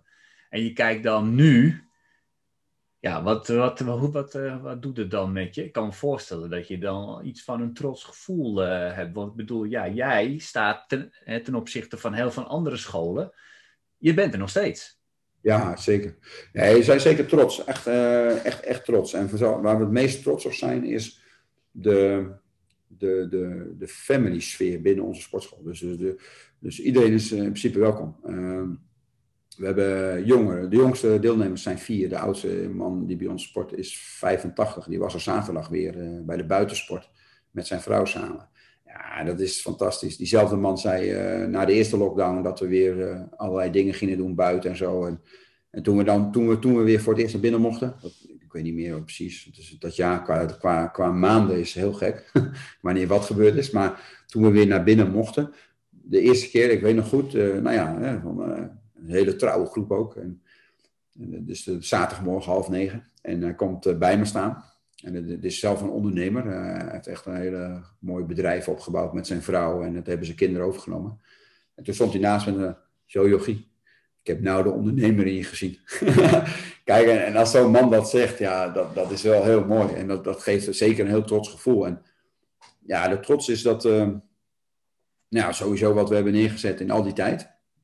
En, maar ook, ook eh, dat het team zo, zo trouw is en dat we dat met z'n allen doen. We hebben, even kijken, dat is nu drie jaar geleden, tweeënhalf. Hebben we heel triest iets gehad dat, dat een uh, collega van ons overleden. Een, een, dame die bij ons al echt al een aantal jaren ook werkte. met, met ook heel veel connectie, heel veel band. dat was heel bijzonder. Zij werkte in de supermarkt. En los van elkaar, van Anita en, en mij op een gegeven moment, zij gooit een balletje op naar mij. Ja, dat is dat meisje wat bij de kassa werkt. Of meisje, dat was toen ook al uh, in de twintig. Maar zeg, die, die, griet bij de kassa. Die, die heeft veel meer in zich dan, dan eh, met alle respect voor mensen die bij een kassa werken. Maar zo van, zij had zoveel connectie en noem maar op. Uh, zo van, ja, dat heb ik ook bij haar. En dus toen is zij bij ons komen werken. En, en, en ja, hele mooie ontwikkeling meegemaakt. Maar ja, zij is overleden door, door door, door drugsgebruik. En dat was het enige waar wij het niet over eens konden worden. Dat waren we, dus we waren het eens dat we het niet eens zouden worden. Vooral mijn vrouw en, zij dan. Want, want zij hadden echt die connectie dat het daarover ging. En dat zij gebruikte in het weekend. Wij dachten alleen maar een beetje blowen en zo. Maar ja, dat, uh, dat was toen helemaal misgegaan met uh, eh, GHB. En uh, ja, als je dan ziet hoe, de, hoe diep triest alles is. En, en maar hoe dat dan, en dat, dat, ja, dat, is, dat is mijn kracht, dat ik in dat soort situaties nog steeds het mooie zie. Er is natuurlijk niks moois aan dat zij is overleden, maar wat daaruit ontstaat met uh, nou ja, haar ouders, met, uh, met, met, met, uh, met, met, met, met ons team, met de sporters. En, en dan zie je de, het deel waar je dus het meest trots op bent. Hoe hoe alles connect, hoe alles dan gaat en hoe puur en, en echt dan de relaties zijn binnen het hele bedrijf. En, en ja, het is natuurlijk jammer dat, dat je dat dan bevestigd krijgt door zoiets, maar dat is wel wat, wat ja, is realiteit. En ja, dat soort momenten, dan, uh, ja, dan, dan ben ik het meest trots eigenlijk. En dan niet op dat moment, maar later, als je terugdenkt aan dat moment, hoe, dat allemaal gaat. En ja, dat is super. Maar ook nu met het hele corona-verhaal. Want dat was natuurlijk een enorme klap, die, die, eh, die, die, ja, die echt nog zeker een jaar heeft geduurd. En van daaruit kwam je in één keer in het corona-verhaal. Dus dan, ja, de collega's waren net weer een beetje hersteld. En, en, en de mensen die haar lessen gingen overnemen, ja, dat was ook niet makkelijk. Want zij was echt hele geliefde. En, uh, ja, en dan, en dan komt er veel meer bij kijken dan zorgen dat, dat de sportschool open is.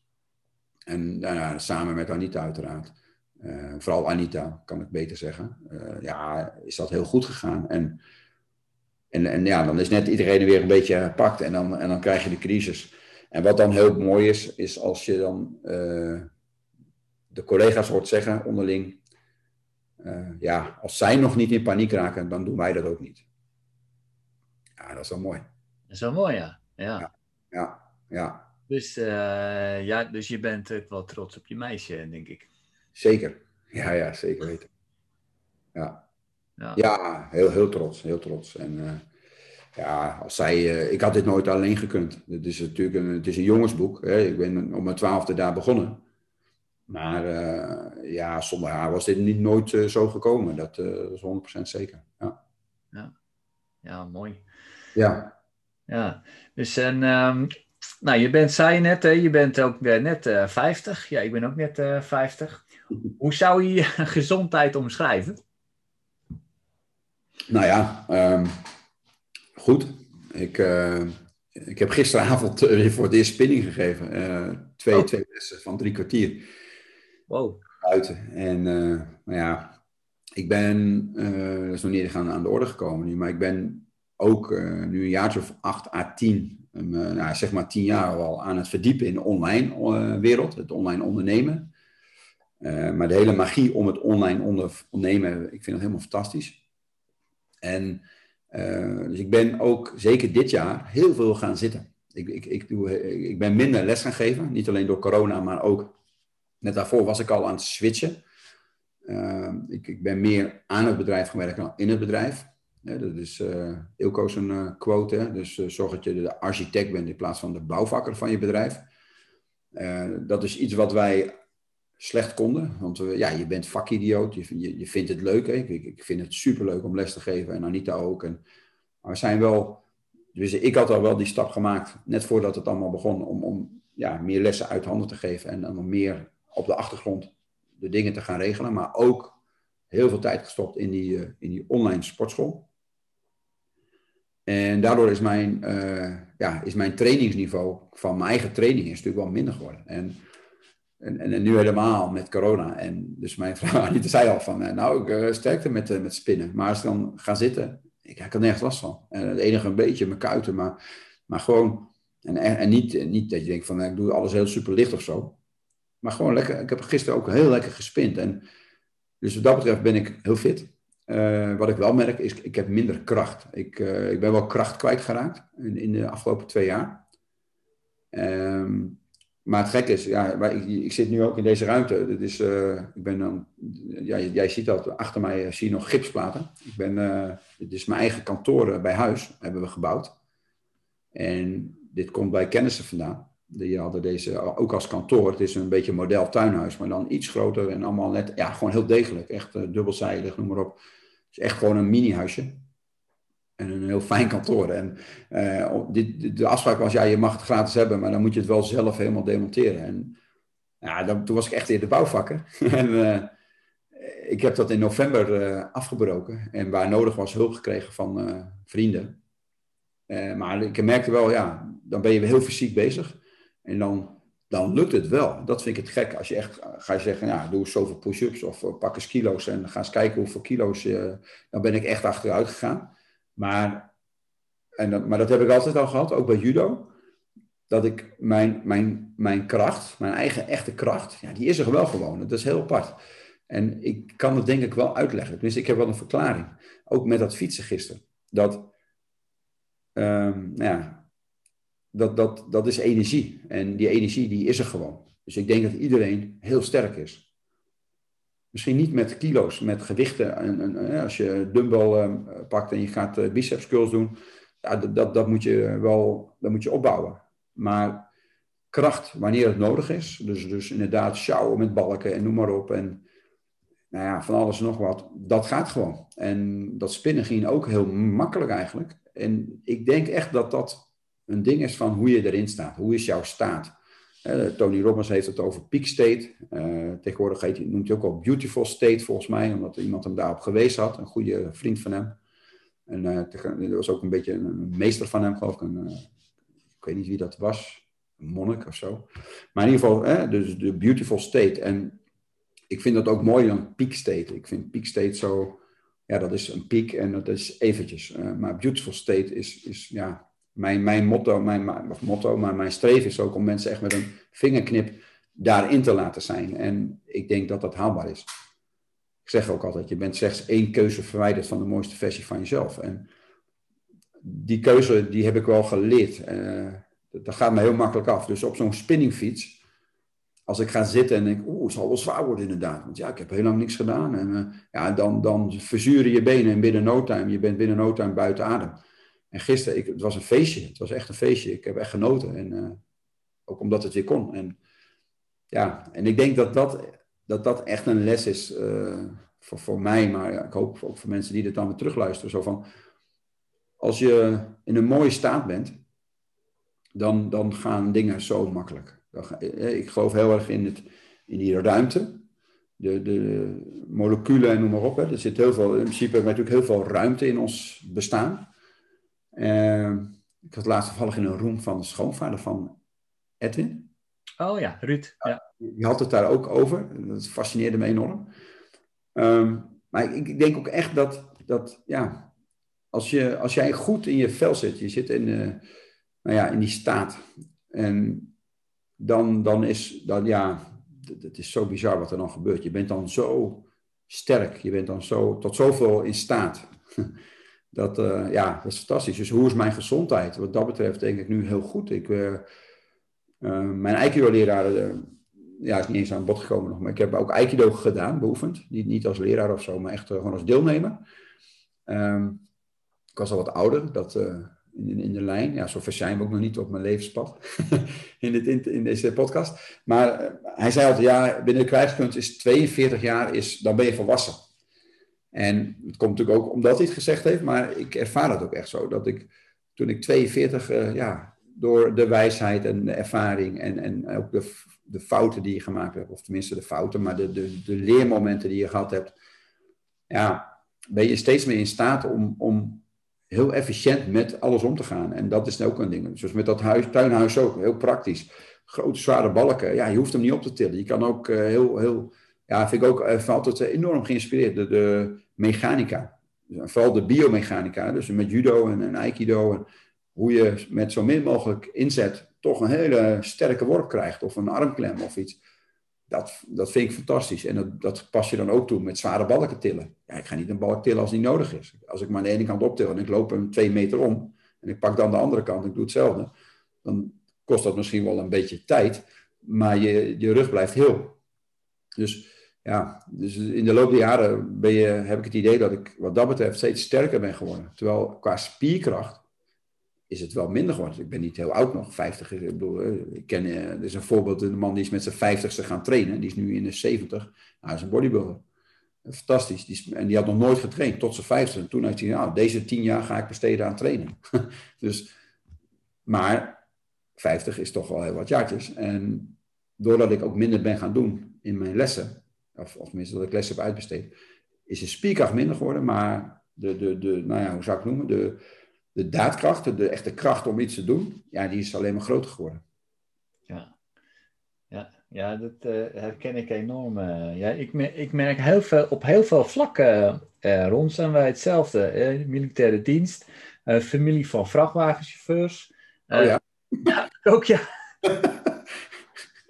ja, bizar hè, mooi. Ja, dat is uh, bizar. Dus uh, Elko, uh, Elko had denk ik een voorzienende blik. dat is, hij heeft daar denk ik een, een zevende zintuig voor. Om mensen aan elkaar te verbinden. En, wat oh, ik... toen hij zei van die podcast? Ja. Ja, ja, ja. ja, ja. ja. En, en, en, en ook als ik jou zie lachen, dan zie ik echt die jongen, wat je net zei, van 12 jaar, dan zie ik echt, dat zie ik echt ook voor me. Ja, maar wat jij nu zegt, dat is ook echt. Hè? Ik, uh, ja, als ik dan terugdenk aan dat moment, dan ben ik daar ook echt weer. En dan ben ik ook echt in die staat. En uh, dat, dat, ja, ik, dat kan ik heel goed. Ik kan echt uh, enorm snel terug zijn in een moment waar, ik noem dat ook wel eens bij kinderen in de les, van uh, tijd, tijdreizen kan. Hè? Zo van, het is, het is zo leuk, terug in de tijd. Nou, vooruit met een beetje fantasie kan je het ook. Maar, maar terug in de tijd zeker. En um, ja, ik, ik, ja, ik voel, ik ruik, ik proef alles wat, wat toen ook was. En uh, ja, dat, dat, dat maakt mijn leven ontzettend rijk. Want ik, ik, ik verlies, uh, ja, ik zeg altijd, hè, iedere minuut, ik weet niet van wie die is. Of dat ik die zelf ooit bedacht heb. Geen idee, maakt ook niet uit. Maar iedere minuut dat je bezig bent met je toekomst gaat van je. Of iedere minuut dat je bezig bent met je verleden gaat van je toekomst af. En maar, maar ik zie dat dit, dit soort dingen, dat, dat is gewoon heerlijk. Dat je even teruggaat. En ook de nare dingen. Ik bedoel, ik had net, ik weet niet of je het zag, maar ik had tranen in mijn ogen. En, en, ja. eh, maar dat is goed. Dat is goed. En alleen, ja, daar ben ik gelukkig wel iets meer. Uh, en daar heb ik ook volwassener in geworden dat ik nu het net kan tegenhouden. Want anders kan het niet meer uit mijn woorden komen. Dat, tenminste, dan, dat, ja, niet dat het erg zou zijn als het wel zou gebeuren, maar ja, net niet is dan net even iets fijner. Maar ik voel hem dan wel. En, maar ja, ja, als we een sessie hadden gehad, dan had ik wel gevraagd van... hé, hey, wat gebeurt daar? Ja, nou ja, precies. Kijk, en, en, maar, maar ik, ik herken hem ook. Dat, dat, hè, dus ik, ik denk, hé, hey, daar is hij. En, en, en dat mag er ook zijn. Uh, absoluut. Dus nee, absoluut, nee. Dat, dat, die lachen en dan, ben ik, dan zie je die twaalfjarige jongen. Ja, dat klopt. Maar ik voel me ook echt heel jong. Uh, en hoe, hoe, hoe, hoe, kom ik daar zo bij? Ik train natuurlijk met gasten. Ik heb jongens die ik als jochie heb, in de les heb gehad, die nu bij mij lesgeven. Uh, een jongen bijvoorbeeld, die is ingenieur. Uh, die heb ik als jongen in mijn les gehad en die, die, is, die is nooit meer weggegaan. En hij geeft niet, hij, hij, is, hij, is, niet een leraar bij ons, maar als we in, even omhoog zitten, dan valt hij zomaar in. Dat is geen enkel probleem. Hij, hij, kan het ontzettend goed en ja, iedereen weet ook van hoe dat zit uh, binnen de lessen waar hij dan komt. Volledig geaccepteerd. En, maar zo'n jongen die is nu, nou wat zou die zijn? 26 of zo. En uh, ik, dan heel soms dan realiseer ik me een van, ik ben, ik ben gewoon twee keer zo oud. Ik ben 50, hij is 26. En ik had zijn vader kunnen zijn, bewijs van. Maar ik, als ik met die gasten ben, dan, en dat is ook, we hebben ook, nou ja, we hebben een, een stichting en die stichting, dat, dat, die, die, die, die wordt uh, gedragen door dit soort jongens hè, en, en, meiden.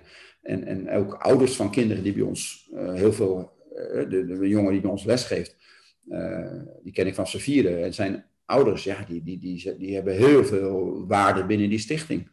En als ik dan met hun in zo'n, nou ja, als we, ik kijk daar rechts nu, want daar is dan een budokamp normaal. We hebben een mooi stuk weiland.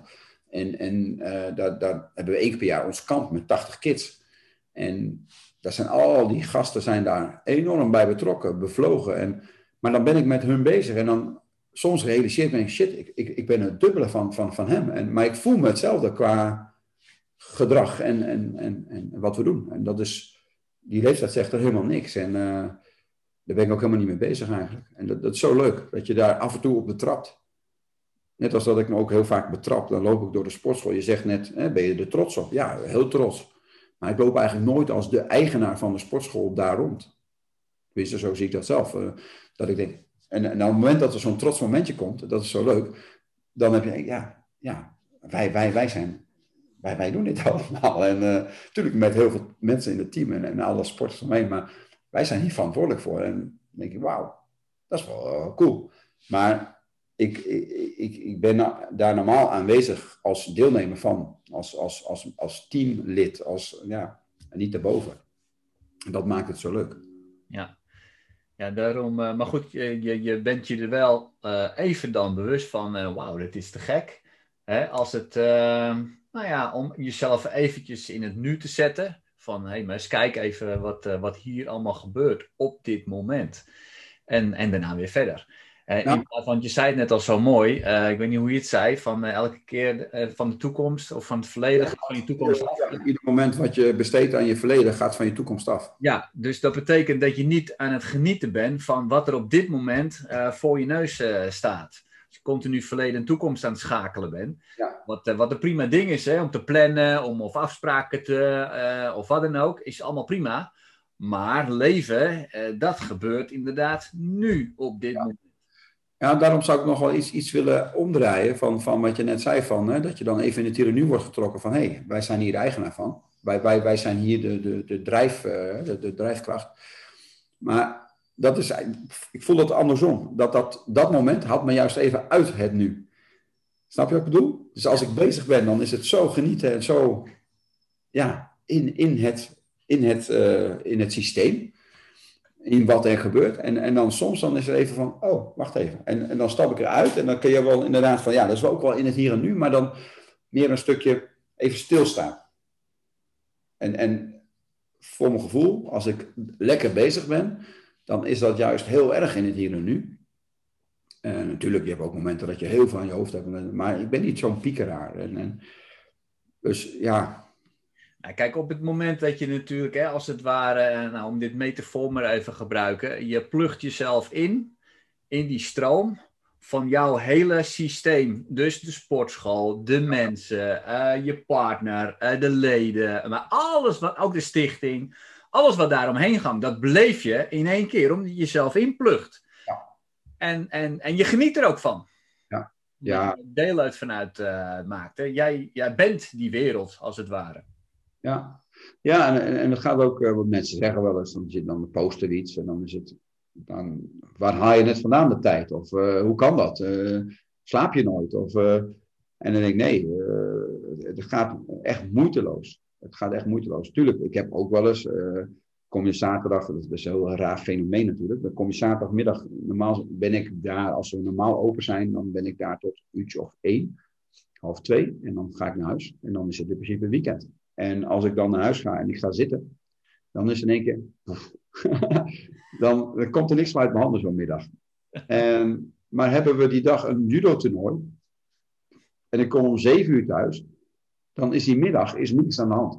En, dat vind ik zo mooi. En dat is ook wel goed, denk ik. Dat je af en toe gewoon ook zegt: Oké, nu even pff, klaar.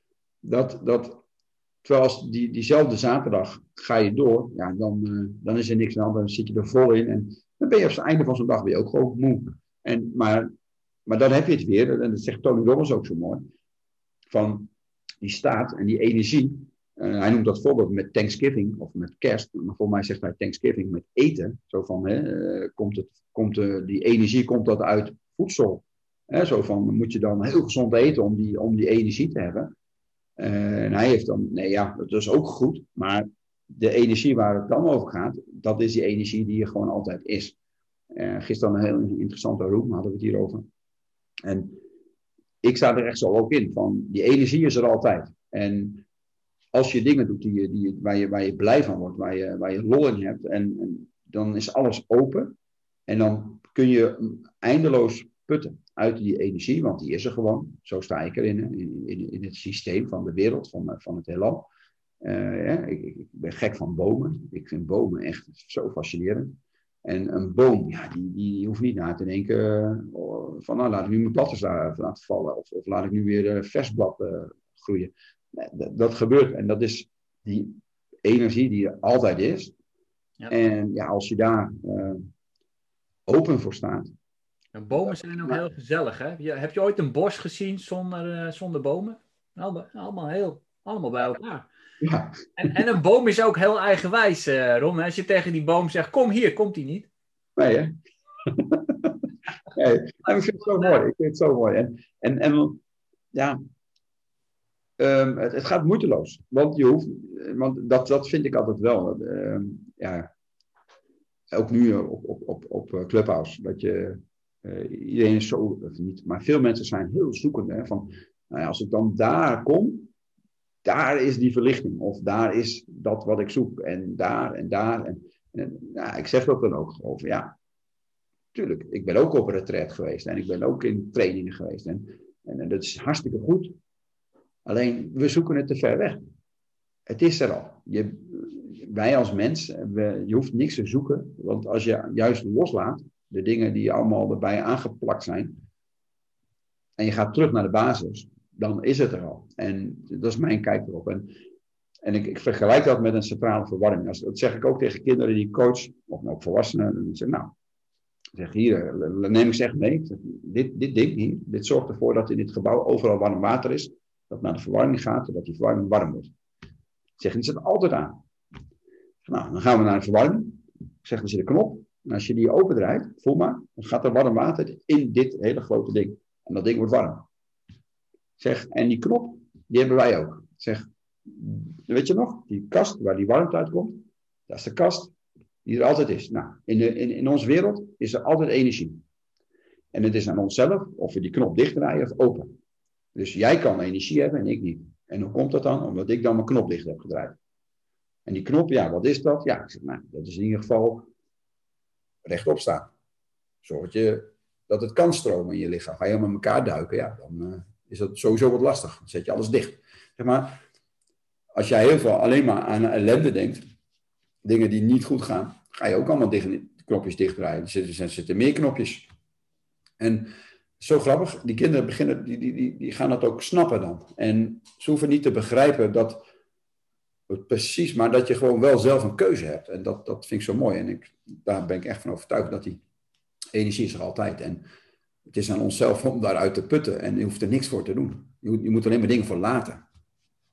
Ja, ja wanneer je uh, daarop aansluit, dan, dan is er ontzettend veel, uh, veel mogelijk en, uh, en, en, en dat doen we al natuurlijk. Ik bedoel, ja, hoe vaak kijken mensen niet naar een, uh, een hele emotionele film? En het zijn acteurs, dat weet je. Het is allemaal in scène gezegd. En toch, als het emotioneel is, je gaat ervan huilen.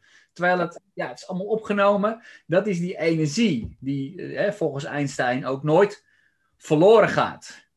Dus, uh, of zelfs een tekenfilm, uh, Bambi. Ja, als ik daarnaar kijk dan, uh, en Bambi gaat dood, dan denk ik ook, oh, wat erg. Terwijl het ja. gewoon een, een, een, tekening is. Hè? Ja, ja. Het is een energie waar je op, op afstemt. En, ja, ik vind dat heel mooi.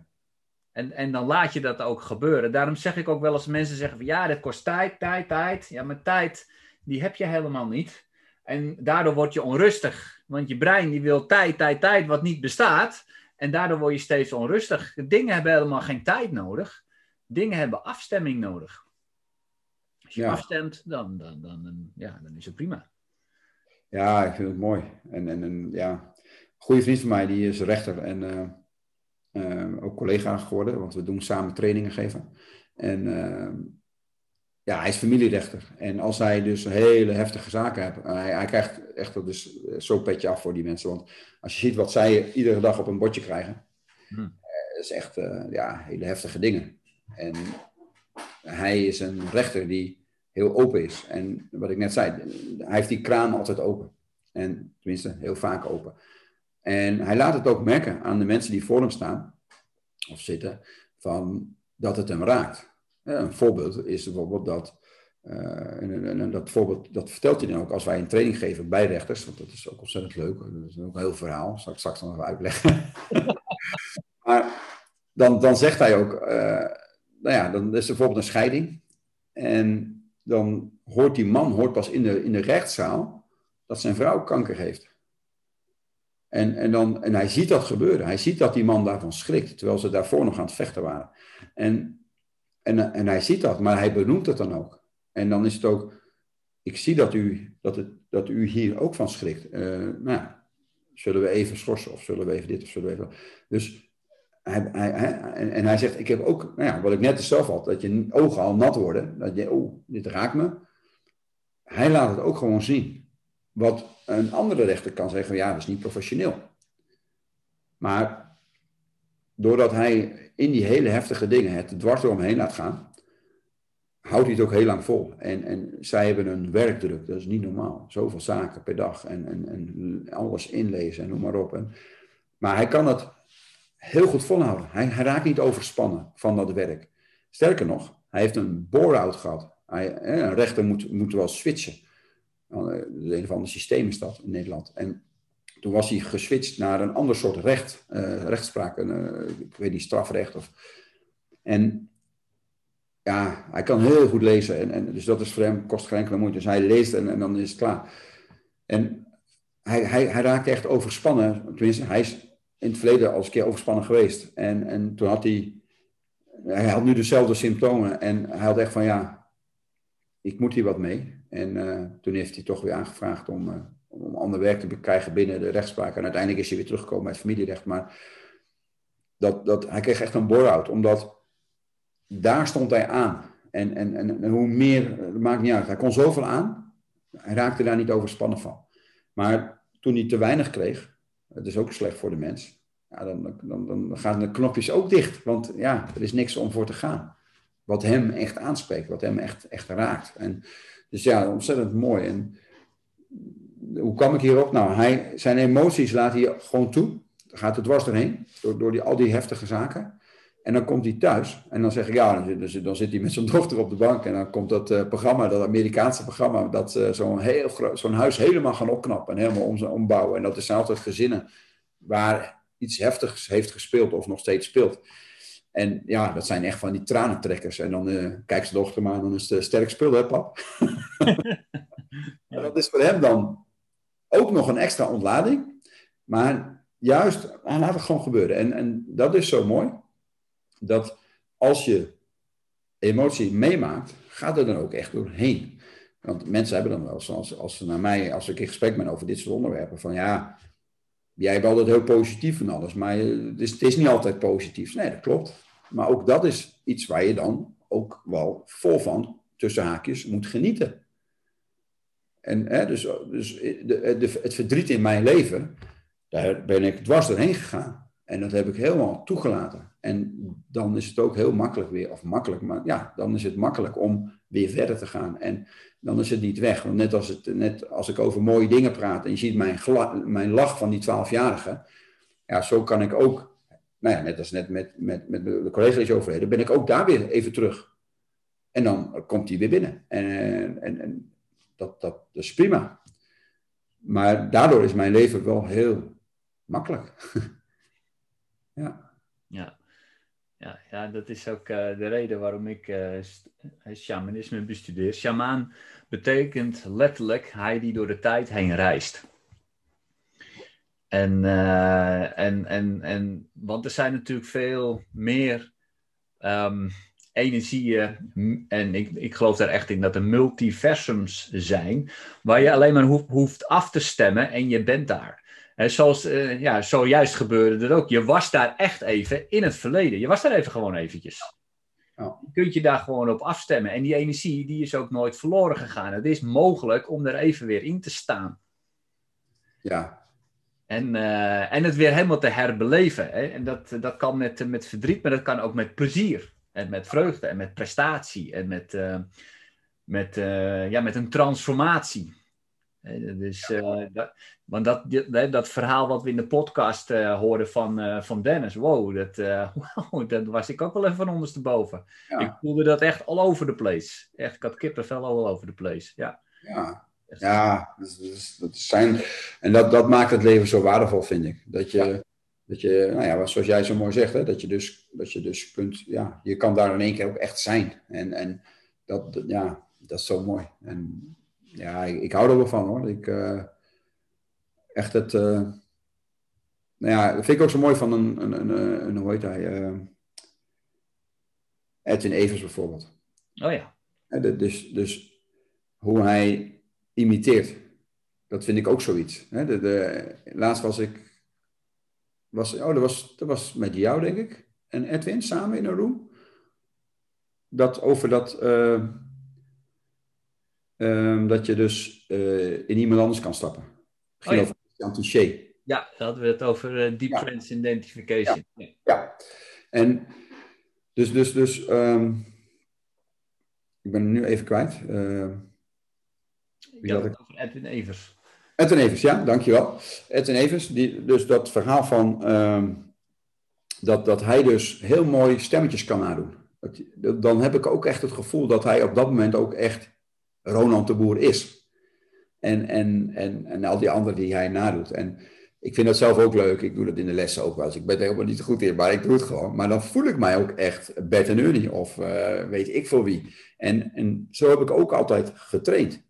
Ja. Uh, Bruce Lee, uh, ik, ik heb toen ik, nou, ik weet niet hoe oud ik was, misschien 14, 15, heb ik zo'n zo'n Chinees jasje gekocht. Met die knoopjes, weet je wel, met die touwtjes. En, en dan had ik dat aan en dan, dan was ik gewoon Bruce Lee. Geen twijfel mogelijk. En als ik train en, en ik had thuis een bokzak en uh, wat spullen. En ja, dan had ik zo'n rode joggingbroek.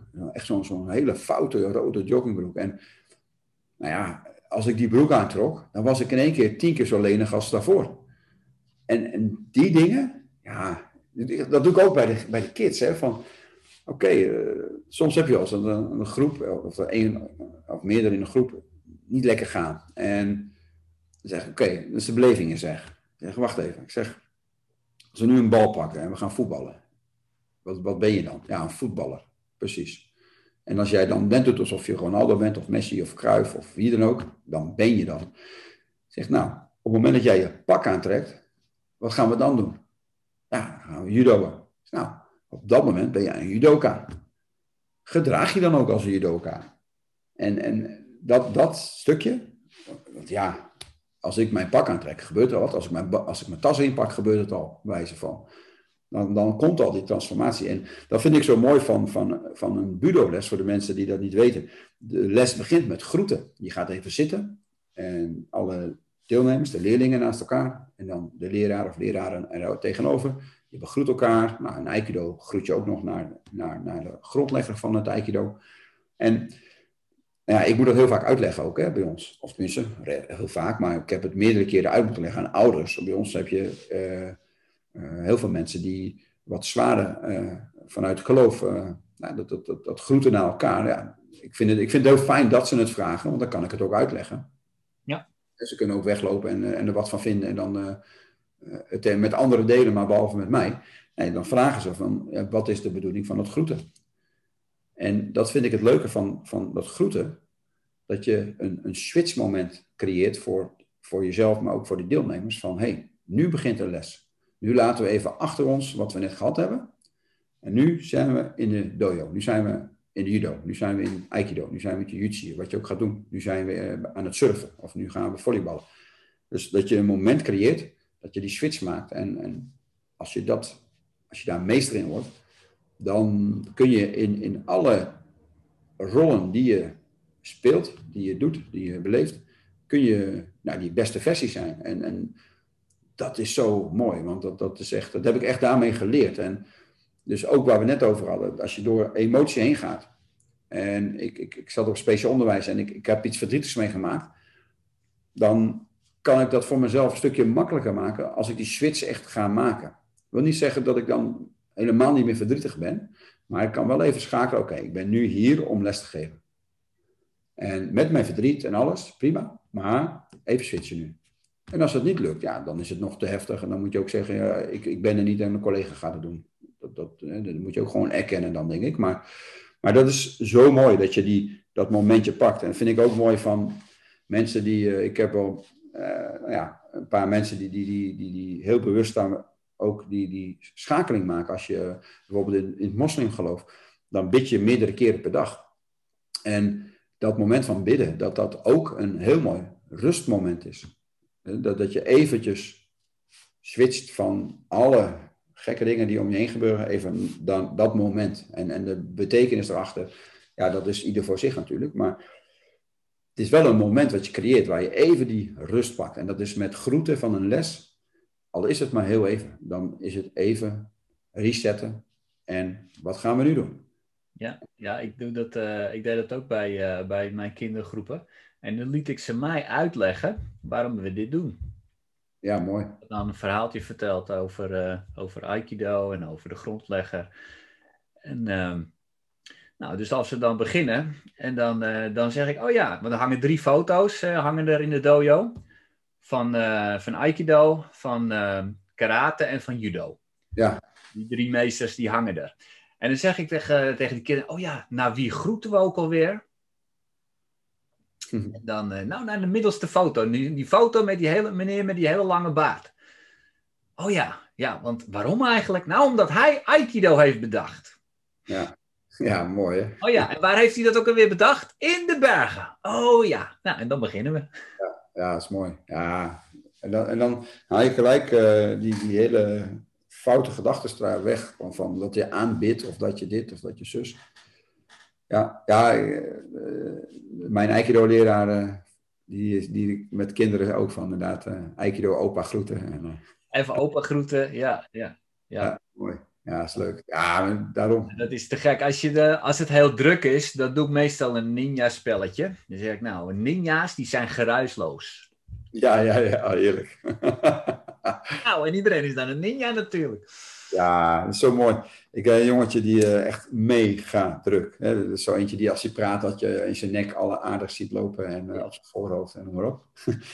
echt mega druk. En uh, ja, schat van een jongen. Maar die, dus op een gegeven moment, ik denk, nou, laten we eens even gewoon een minuutje gaan zitten. Dus we hadden al gegroet, we waren al bezig. En ik zei, oké, okay, allemaal even zitten. Ik zeg, en we gaan, net als met groeten, ga maar zitten op je knieën. En, of als het echt niet gaat, de kleermaker zit. Zeg maar, wat we gaan doen is uh, een oefening. En dat is één minuut stilzitten. En niet praten. En als iemand praat, gaat de minuut opnieuw beginnen. Is gewoon als oefening. Niet als straf of wat dan ook. Gewoon een oefening. Is leuk. Nou, en dat jochie was zo druk als in het begin had hij er best moeite mee. Totdat hij op een gegeven moment doorkreeg van, hé, hey, maar dit is heel lekker. En dan ging ik ook vertellen. Ik zeg, dit is misschien wel de lekkerste minuut van de hele dag. Want je kan gewoon even zitten en je hoeft niks. Nou ja, en op een gegeven moment dan is dat zo, bij hem zo gewoon geworden, dat hij dan zelf kan, uh, meester, gaan we nog een minuutje stilzitten? en hij echt in de boom klimt, hè, als het kan, uh, in de klas, overal en noem maar op. En uh, ja, dat is heerlijk toch? Dat dat, ja, dat dat voor hem dan, dat, dat hij toch heeft ontdekt dat het ook lekker is. En dat hij, en dat hij het kan überhaupt. Hè? Dat, wat jij ook vertelde met dat jongetje wat, met ADHD in dat onzichtbare doosje. Ja. Ja. ja, als die kinderen in het spel zitten, dan zitten ze helemaal erin. Ik, ik doe ook een oefening met die ninja's. Dan zetten we in één keer zetten we ze stil. En dan mogen ze niet meer bewegen, want ja, een ninja die is net een boom dan. Hè? Dus uh, die is helemaal gecamoufleerd. Niemand ziet, je bent gewoon onzichtbaar. Ja. En dan ben ik de samurai. Ik ben dan de samurai die op zoek gaat naar de ninja's, want die moet ze gevangen nemen. En wat ik dan doe bij die kinderen, dan staan ze helemaal gefreezed, bewegen ze niet, muisstil. En dan één keer, dan uh, ga ik achter een jongetje staan die mij niet ziet. Maar de rest, die weet dat ik dat ga doen. Ja. En dat jongetje, die ziet natuurlijk wel al die andere jongens. Dus Ja. die weet, oh, de, de leraar die komt zo meteen achter mij. Hij ziet me niet. Ja, maar in één keer doe ik, en hij schrikt niet. ja dat, is, dat is cool, hè? En dat is zo cool. En dan, eigenlijk schiet hij in de lach, maar hij mag niet lachen, want dan maakt hij geluid. Ja, ja. ja dat is gaaf. Ja, dat is zo mooi. Dat is zo mooi, ja. Dat is, Ja, ehm, ja, we kunnen hier nog uren over door eh, babbelen nog, eh, eh, Ron. Ik, ehm, even kijken, want, ja, want je hebt ook nog een verhaal te goed over, over alcohol, wou je nog vertellen, en over die, over die rechter. Oh ja. Dus ehm, ja, ik weet niet, weet je, je hebt nog vijf minuten, dus welke wil je? Ja, ik, ik, ik heb wel tijd. Ik weet niet hoe jij eh, in de tijd zit, maar... Ja, ja ik moet zo meteen eh, naar de volgende. Dus, eh, maar dat maakt, dat maakt niet uit. Ehm, Welke les? Wel, tenminste, de, kijk, ik, ik deel dingen omdat ik dan hoop dat ik daar iemand mee kan inspireren om, om Ja, te dat snap ik. Ja, en Ehm, alles wat je vertelt, ik vind het fantastisch. beide, beide dingen zijn leerzaam. Ja. Nou, laat, laat, laat ik, laat ik eh, die, die rechten. Dat is. eh, ehm, met die, nou ja, die rechten, die, die, zijn kinderen zitten bij mij op sport. En eh, nou ja, in mijn lessen deel ik heel veel levenslessen. En dus ik koppel altijd iets, iets aan elkaar. En dus hij, hij, hij kan wel eens kijken. En hij, hij genoot daarvan. Dat had ik ook wel door. En, eh, maar we kenden elkaar helemaal nog niet voor die tijd. Behalve dan via dit verhaal. Dus op een gegeven moment, eh, nou, een beetje in gesprek. En hij zegt, oh, ik vind het zo mooi. Wat jij allemaal vertelt tegen de kinderen ook. In, in, die technieken, wat je erin verweeft. Dat, eigenlijk doe ik dat ook met mijn werk als rechter. Ik, ik ben ook altijd aan het connecten en proberen ja, toch iets mee te geven. Behalve eh, een besluit. En... ehm, Dus, dus, toen, nou ja, dus die gaan sporten.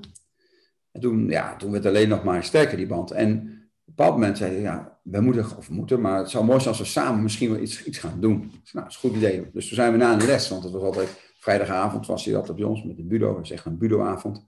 En uh, nou, daarna een bakje drinken met z'n allen. En nou ja, op een gegeven moment, 11 uur, de anderen gingen weg. En zijn we blijven zitten. En toen was het rond een uur of vier dat we klaar waren. En wat daar gebeurd was, is dat we een, een training hadden gemaakt om mensen nou met weerstand om te laten gaan, met agressie. Uh, in die hoek denkend. En uh, nou ja, dus, dus hij zit al in die wereld. Hij is rechter, maar daarnaast ook binnen justitie en rechtspraak is hij ook uh, trainer, coach. dat hebben zij echt heel mooi voor elkaar. Hè. Zij, zij, ze hebben hele mooie mogelijkheden voor mensen die, die het nodig hebben om, om extra te trainen aan, aan, aan leiderschap, weet ik wat. Dus hij zit al in die wereld. En uh, toen was het, nou ja, onze eerste echte klus was uh, niet zozeer bij de rechter zelf, maar was bij de mediators. Want hij is ook mediator en in die hoek was hij dus ook al bekend. Toen hadden we een, een van de mediator-congres, een, een, een, ja, echt een Nederlands congres, waar, vanuit heel Nederland waren ze. Toen mochten we daar onze eerste training doen. En zo ben ik daar ingekomen. En, en, en, ja, ik heb heel veel ervaring, maar ik ben geen officieel coach. Ik heb geen coachopleiding gedaan. Ja, alle opleidingen met sport. En, en, en, en uh, hoe noem je dat? Uh, rots en water en, die, die richting wel. Dus, dus qua kindercoach heb je wat dat betreft wel papieren. Maar ik, ben, ik heb niet uh, mediators coaching gedaan of wat dan. Of opleiding. Dus voor mij was het echt heel raar om, om in die wereld één keer te opereren. En nou ja, we begonnen met die mediators, dat congres. Hartstikke, nou, sloeg heel goed aan. Het was echt een hele mooie dynamiek. Ik heb mijn judopak. Judo matten mee. Mensen gaan in workshops dan op die mat bezig. En dan niet met technieken, maar echt met principes. Die ik dan samen met hem uh, voordoe en dat we het erover hebben. En van twee werelden het mooiste maken. En zo kwamen we ook bij de rechtspraak terecht. Echt, echt bij, bij zijn collega's. En als je mij dus had gevraagd van tevoren, jij bent over een paar jaar geef je training aan rechters. Dan had ik echt gezegd, hoezo? En uh, ben je niet lekker of zo? Wie, wie zit nou op mij te wachten daar? Ik heb, heb ik helemaal geen... Uh, ja, het gaat, dat, dat is onmogelijk. En het leuke was, toen wij wat meer samen gingen werken, hij is heel goed, hij, hij, is een enorm intelligent, oh, mijn Siri gaat aan. Hij is heel intelligent en, en, en echt, echt, ja, talen en noem maar op. Echt zijn ding. Waarop dus de jongens die ik ook in de les had, ook zeiden van, joh, hoe kan jij nou zo'n klik hebben met Ron? Want, of meester Ron was het natuurlijk. Hè? En, uh, hoe kan je nou zo'n klik hebben? Want zijn, hij, hij, ja, hij maakt best wel veel taalfouten. en uh, waar hij dus op antwoordde van, ja, maar daar gaat het niet om. De, de, ja, tuurlijk, hij is heel anders dan dat, dat, dan dat wij zijn. Qua opleiding en noem maar op. Maar we hebben allebei, kunnen we iets heel moois brengen. Dus dat was al een dingetje. Dat, dat, dat, ja, dat had ik ook wel door. En uh, nou ja, uiteindelijk kom je dan nog weer een stapje verder. En, en, toen hadden we dus een gesprek om binnen die, uh, ja, de SSR is dat dan, de opleidingen voor, voor rechters, om daar training te gaan geven. En uh, dus we hadden, ja, ze, hadden iets gepland en dat ging niet door. Dat, dat ging dan die, die vriend van mij doen met, met een professor rechter binnen, die daar ook al binnen was. Maar die professor die had zich teruggetrokken uit dit project. Oh ja, de aanleiding was, uh, in Den Haag was er een, was iets helemaal fout gegaan. Want wij hebben ons echt gericht op de BOPZ, bijzondere opname psychiatrisch ziekenhuis. Dus dat zijn uh, zaken die, die worden, dus dan is die rechtspraak is niet in een, in een rechtbank, maar dat kan zijn in een buurthuis, bij iemand thuis, in een ziekenhuis. En waar het dan om ging, die, rechter was bij iemand op thuis voor, voor, voor, om, het, om die zaak te doen. En uh, was een vrouwelijke rechter. En zij werd aangevallen vanuit het niets. Die man die pakt een, een, een. Die was in zijn bank weggestopt. En in één keer uit niets pakt hij dat en hij slaat tegen haar eh, naar, naar haar hoofd. Waardoor zij afweert en nou ja, beschadigingen. Echt wel uh, ja, heel heftig. En, en, en, dus dat project was op gang gezet. Alleen het was toch, ja, ging niet door. Want die rechter, die, ja, die professor, die, die, die had iets anders en dat kon niet. En toen zijn wij in dat gat gesprongen. En nou ja, een soort van auditie, zeg maar. Dus we moesten op gesprek en uh, wat we dan te bieden hadden. En het was zo mooi, want daarom heb ik voor dit verhaal gekozen van...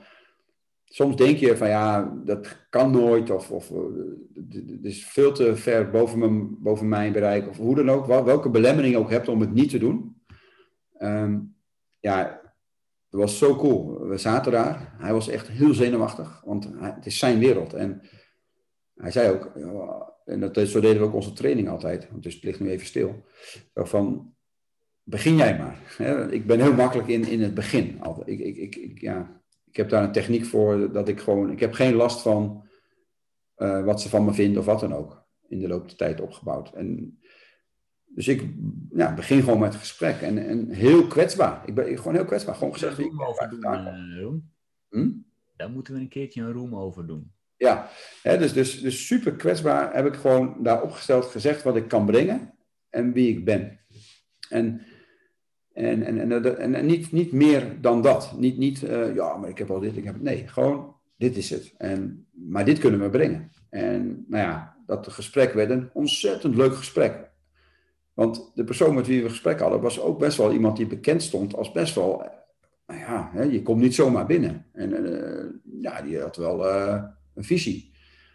En, en daar moet je maar aan voldoen. Tenminste, niet zozeer dan moet je naar pijpen dansen, maar je, het moet wel kloppen binnen het plaatje. En, dus hij was heel gespannen en ik was heel relaxed. En gewoon, ja, ik had niks te verliezen. Wat heb ik te verliezen? Ik kom iets brengen en als je het aan wil pakken, kom ik nog veel meer brengen. En als je het niet aan wil pakken, ja, dan ga ik weer. En dat was zo relaxed. En, en dat dus, was een ontzettend ja, leuk, maar ook heel productief gesprek. Echt, er kwam heel veel uit en allemaal ideeën. En, we zijn dat gaan doen en dus goed aangeslagen. En we hebben echt heel mooi echte rechters geholpen. En, en griffiers ook, heel belangrijk. En, nou ja, op een gegeven moment uh, ben ik zelfs een dag met ze mee gaan lopen. Dus ik heb met een rechter een hele dag ja, het mogen ervaren om, om, om, om ja, en dat is echt een beetje af voor dat werk, want het is echt heel mooi werk, maar zwaar. Soms heb je mensen die gewoon niet aanspreekbaar zijn, uh, omdat ze helemaal niet waar zijn, noem maar op. Alcoholisme, van alles, drugs. Uh, nou ja, mensen die echt denken dat ze maxima zijn of, of weet ik van wie. Echt heel bijzonder. En ja, dit, dit heeft mij zoveel gebracht. Um, dat ik dit heb mogen doen. En dit is alleen maar ontstaan omdat hij, dus, dus mijn collega en ik, uh, de stoute schoenen hebben aangetrokken om, om gewoon dat gesprek aan te gaan. En, en nou ja, daar, de, de rest is geschiedenis. We hebben echt al heel veel mooie trainingen gegeven. En, en niet zaligmakende training, maar wel iets wat, wat voor sowieso helemaal nieuw was. Hè? Want wij leggen onze mat neer en tegenwoordig gaat de collega ook in een pak. En uh, ja, dan komen, dat is dan in, in Utrecht, waar normaal allemaal trainingsruimtes zijn, waar je gaat zitten en, en, en dan ja, vooral veel luisteren. En nu in één keer, huh, de mat en nu en wat? En wij doen heel veel fysieke dingen. Die koppelen we aan de theorie, zodat ze het voelen waar, waar, waar, we het over hebben.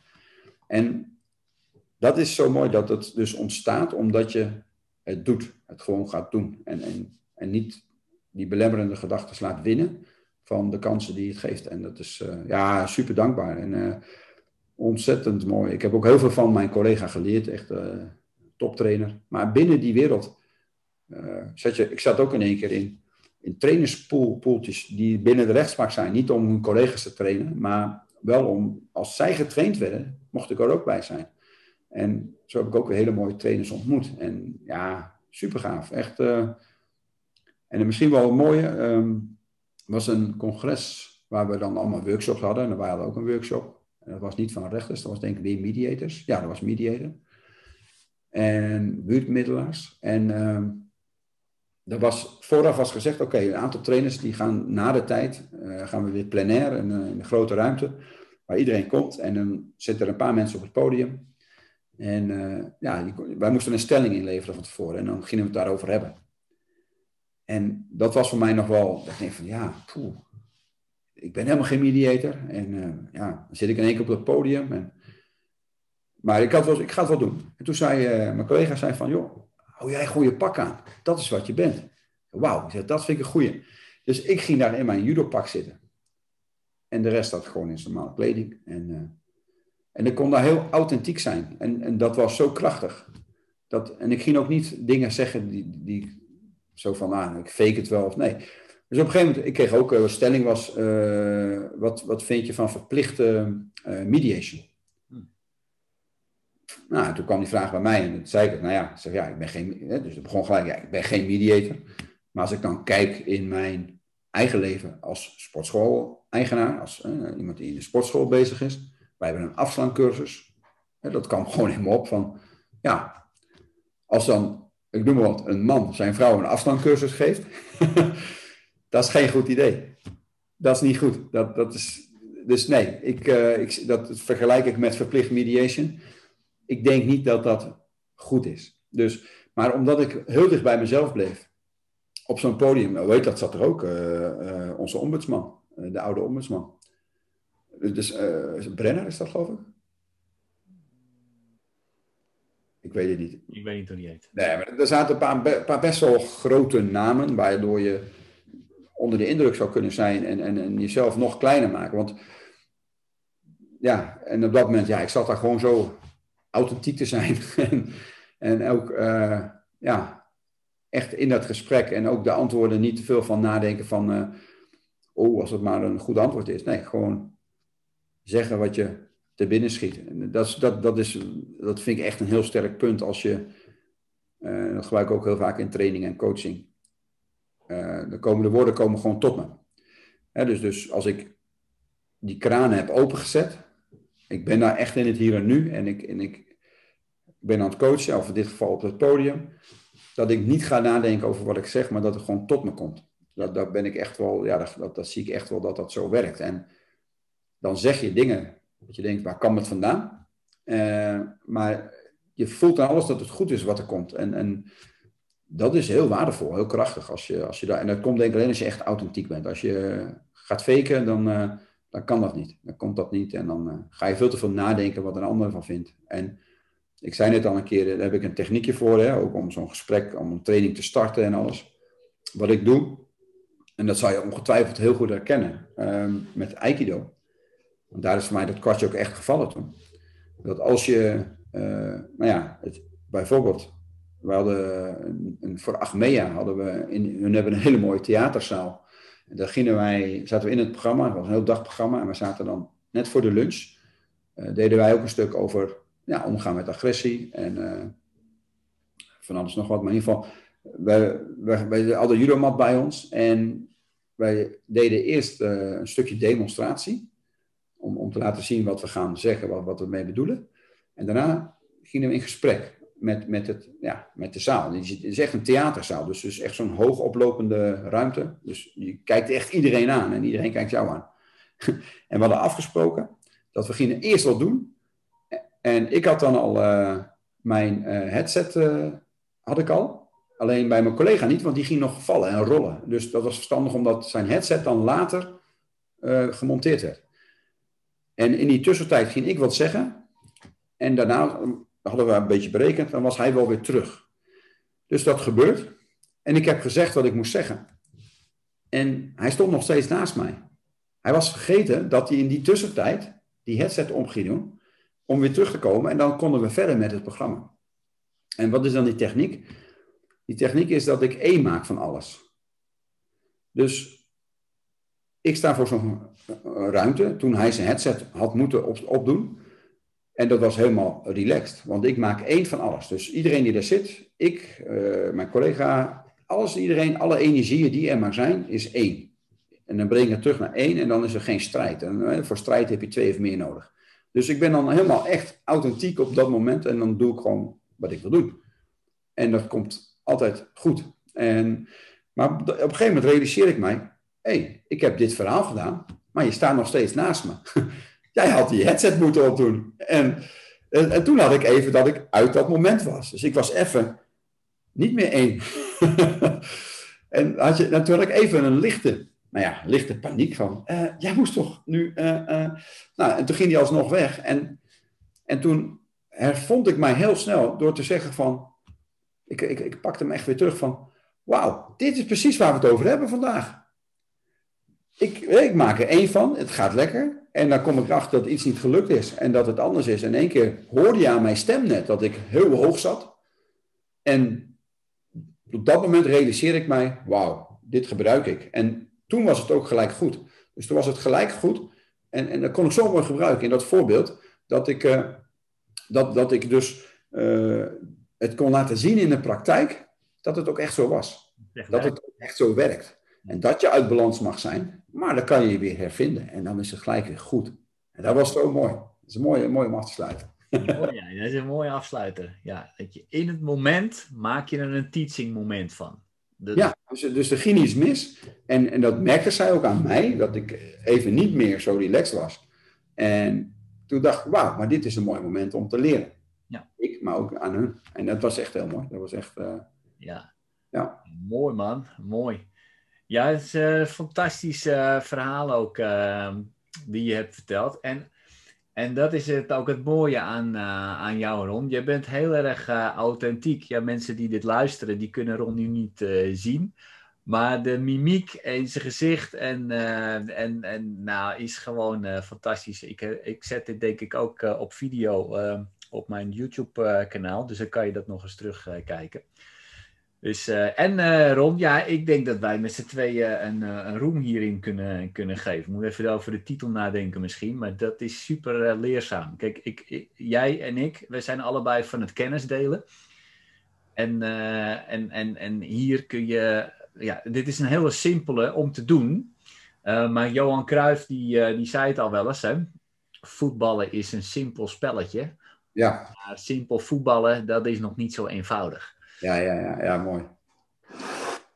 Dus, uh, en, um, en, maar als je er eenmaal in staat en je weet hoe dit te pakken. Want ik heb dit, dit wat jij vertelde, dat heb ik ook wel eens vaker gehoord. Sprekers die doen dat ook. Die zitten in die flow. En als, je, als ze dan daarna uh, worden gevraagd van, uh, hey, dit en dit en dit. Wat zei je nou precies? En dat heb ik zelf ook. Ja. Dan, dan weet ik het niet meer. Want ik zat in die flow. Ja, ja, ja, ja. Dan gaat het allemaal vanzelf en dan... Ja, dan gaat het allemaal vanzelf en dan stroomt het. En dan moet ik heel goed nadenken. Ik, ik kom er wel weer op, maar ik moet heel goed nadenken omdat ik in die flow zat. Ja, mooi is dat. Hè? En, dan, en dan loopt het. Ja, ja super. Super. Nou, uh, Ron, ik wil je super, super, super bedanken voor, uh, voor ons gesprek. Ja. Super, uh, waardevol ook. En, leuk om te doen. Ja, leuk toch? Ja, want het haalde bij jou zelf ook weer een aantal herinneringen op. Zeker. Ja, dat is mooi. Eh, ja. Kijk, waarvoor we dit doen is natuurlijk uh, delen van, uh, van, van inzichten, van kennis, van, van momenten, ja, noem maar op. En, en als, als er ook maar één iemand uh, daar iets mee kan, dan is het al super. Ja, daarom. Ja, ja vind ik ook. En ja, ik vind het verhaal van, van Inja Dojo en werken met kinderen, ach ja, er zijn zoveel anekdotes die die, die heel leerzaam zijn. Want we zijn natuurlijk heel veel dingen die uh, voor ons beiden misschien wel gewoon geworden zijn. Maar als je daarover gaat vertellen, denk je, oh ja, het is wel uh, toch wel een fantastisch momentje en een mooi leermomentje. Ja, het mooie is, iedereen heeft dit, hè? Iedereen wij, heeft dit. Wij hebben de connectie met, met lesgeven dojo, maar iedereen heeft zijn eigen vaardigheden die ja. voor hem heel, of haar heel gewoon zijn, en, en, maar voor de anderen heel veel kunnen betekenen. Dus, ja. ja, klopt ook. Ik,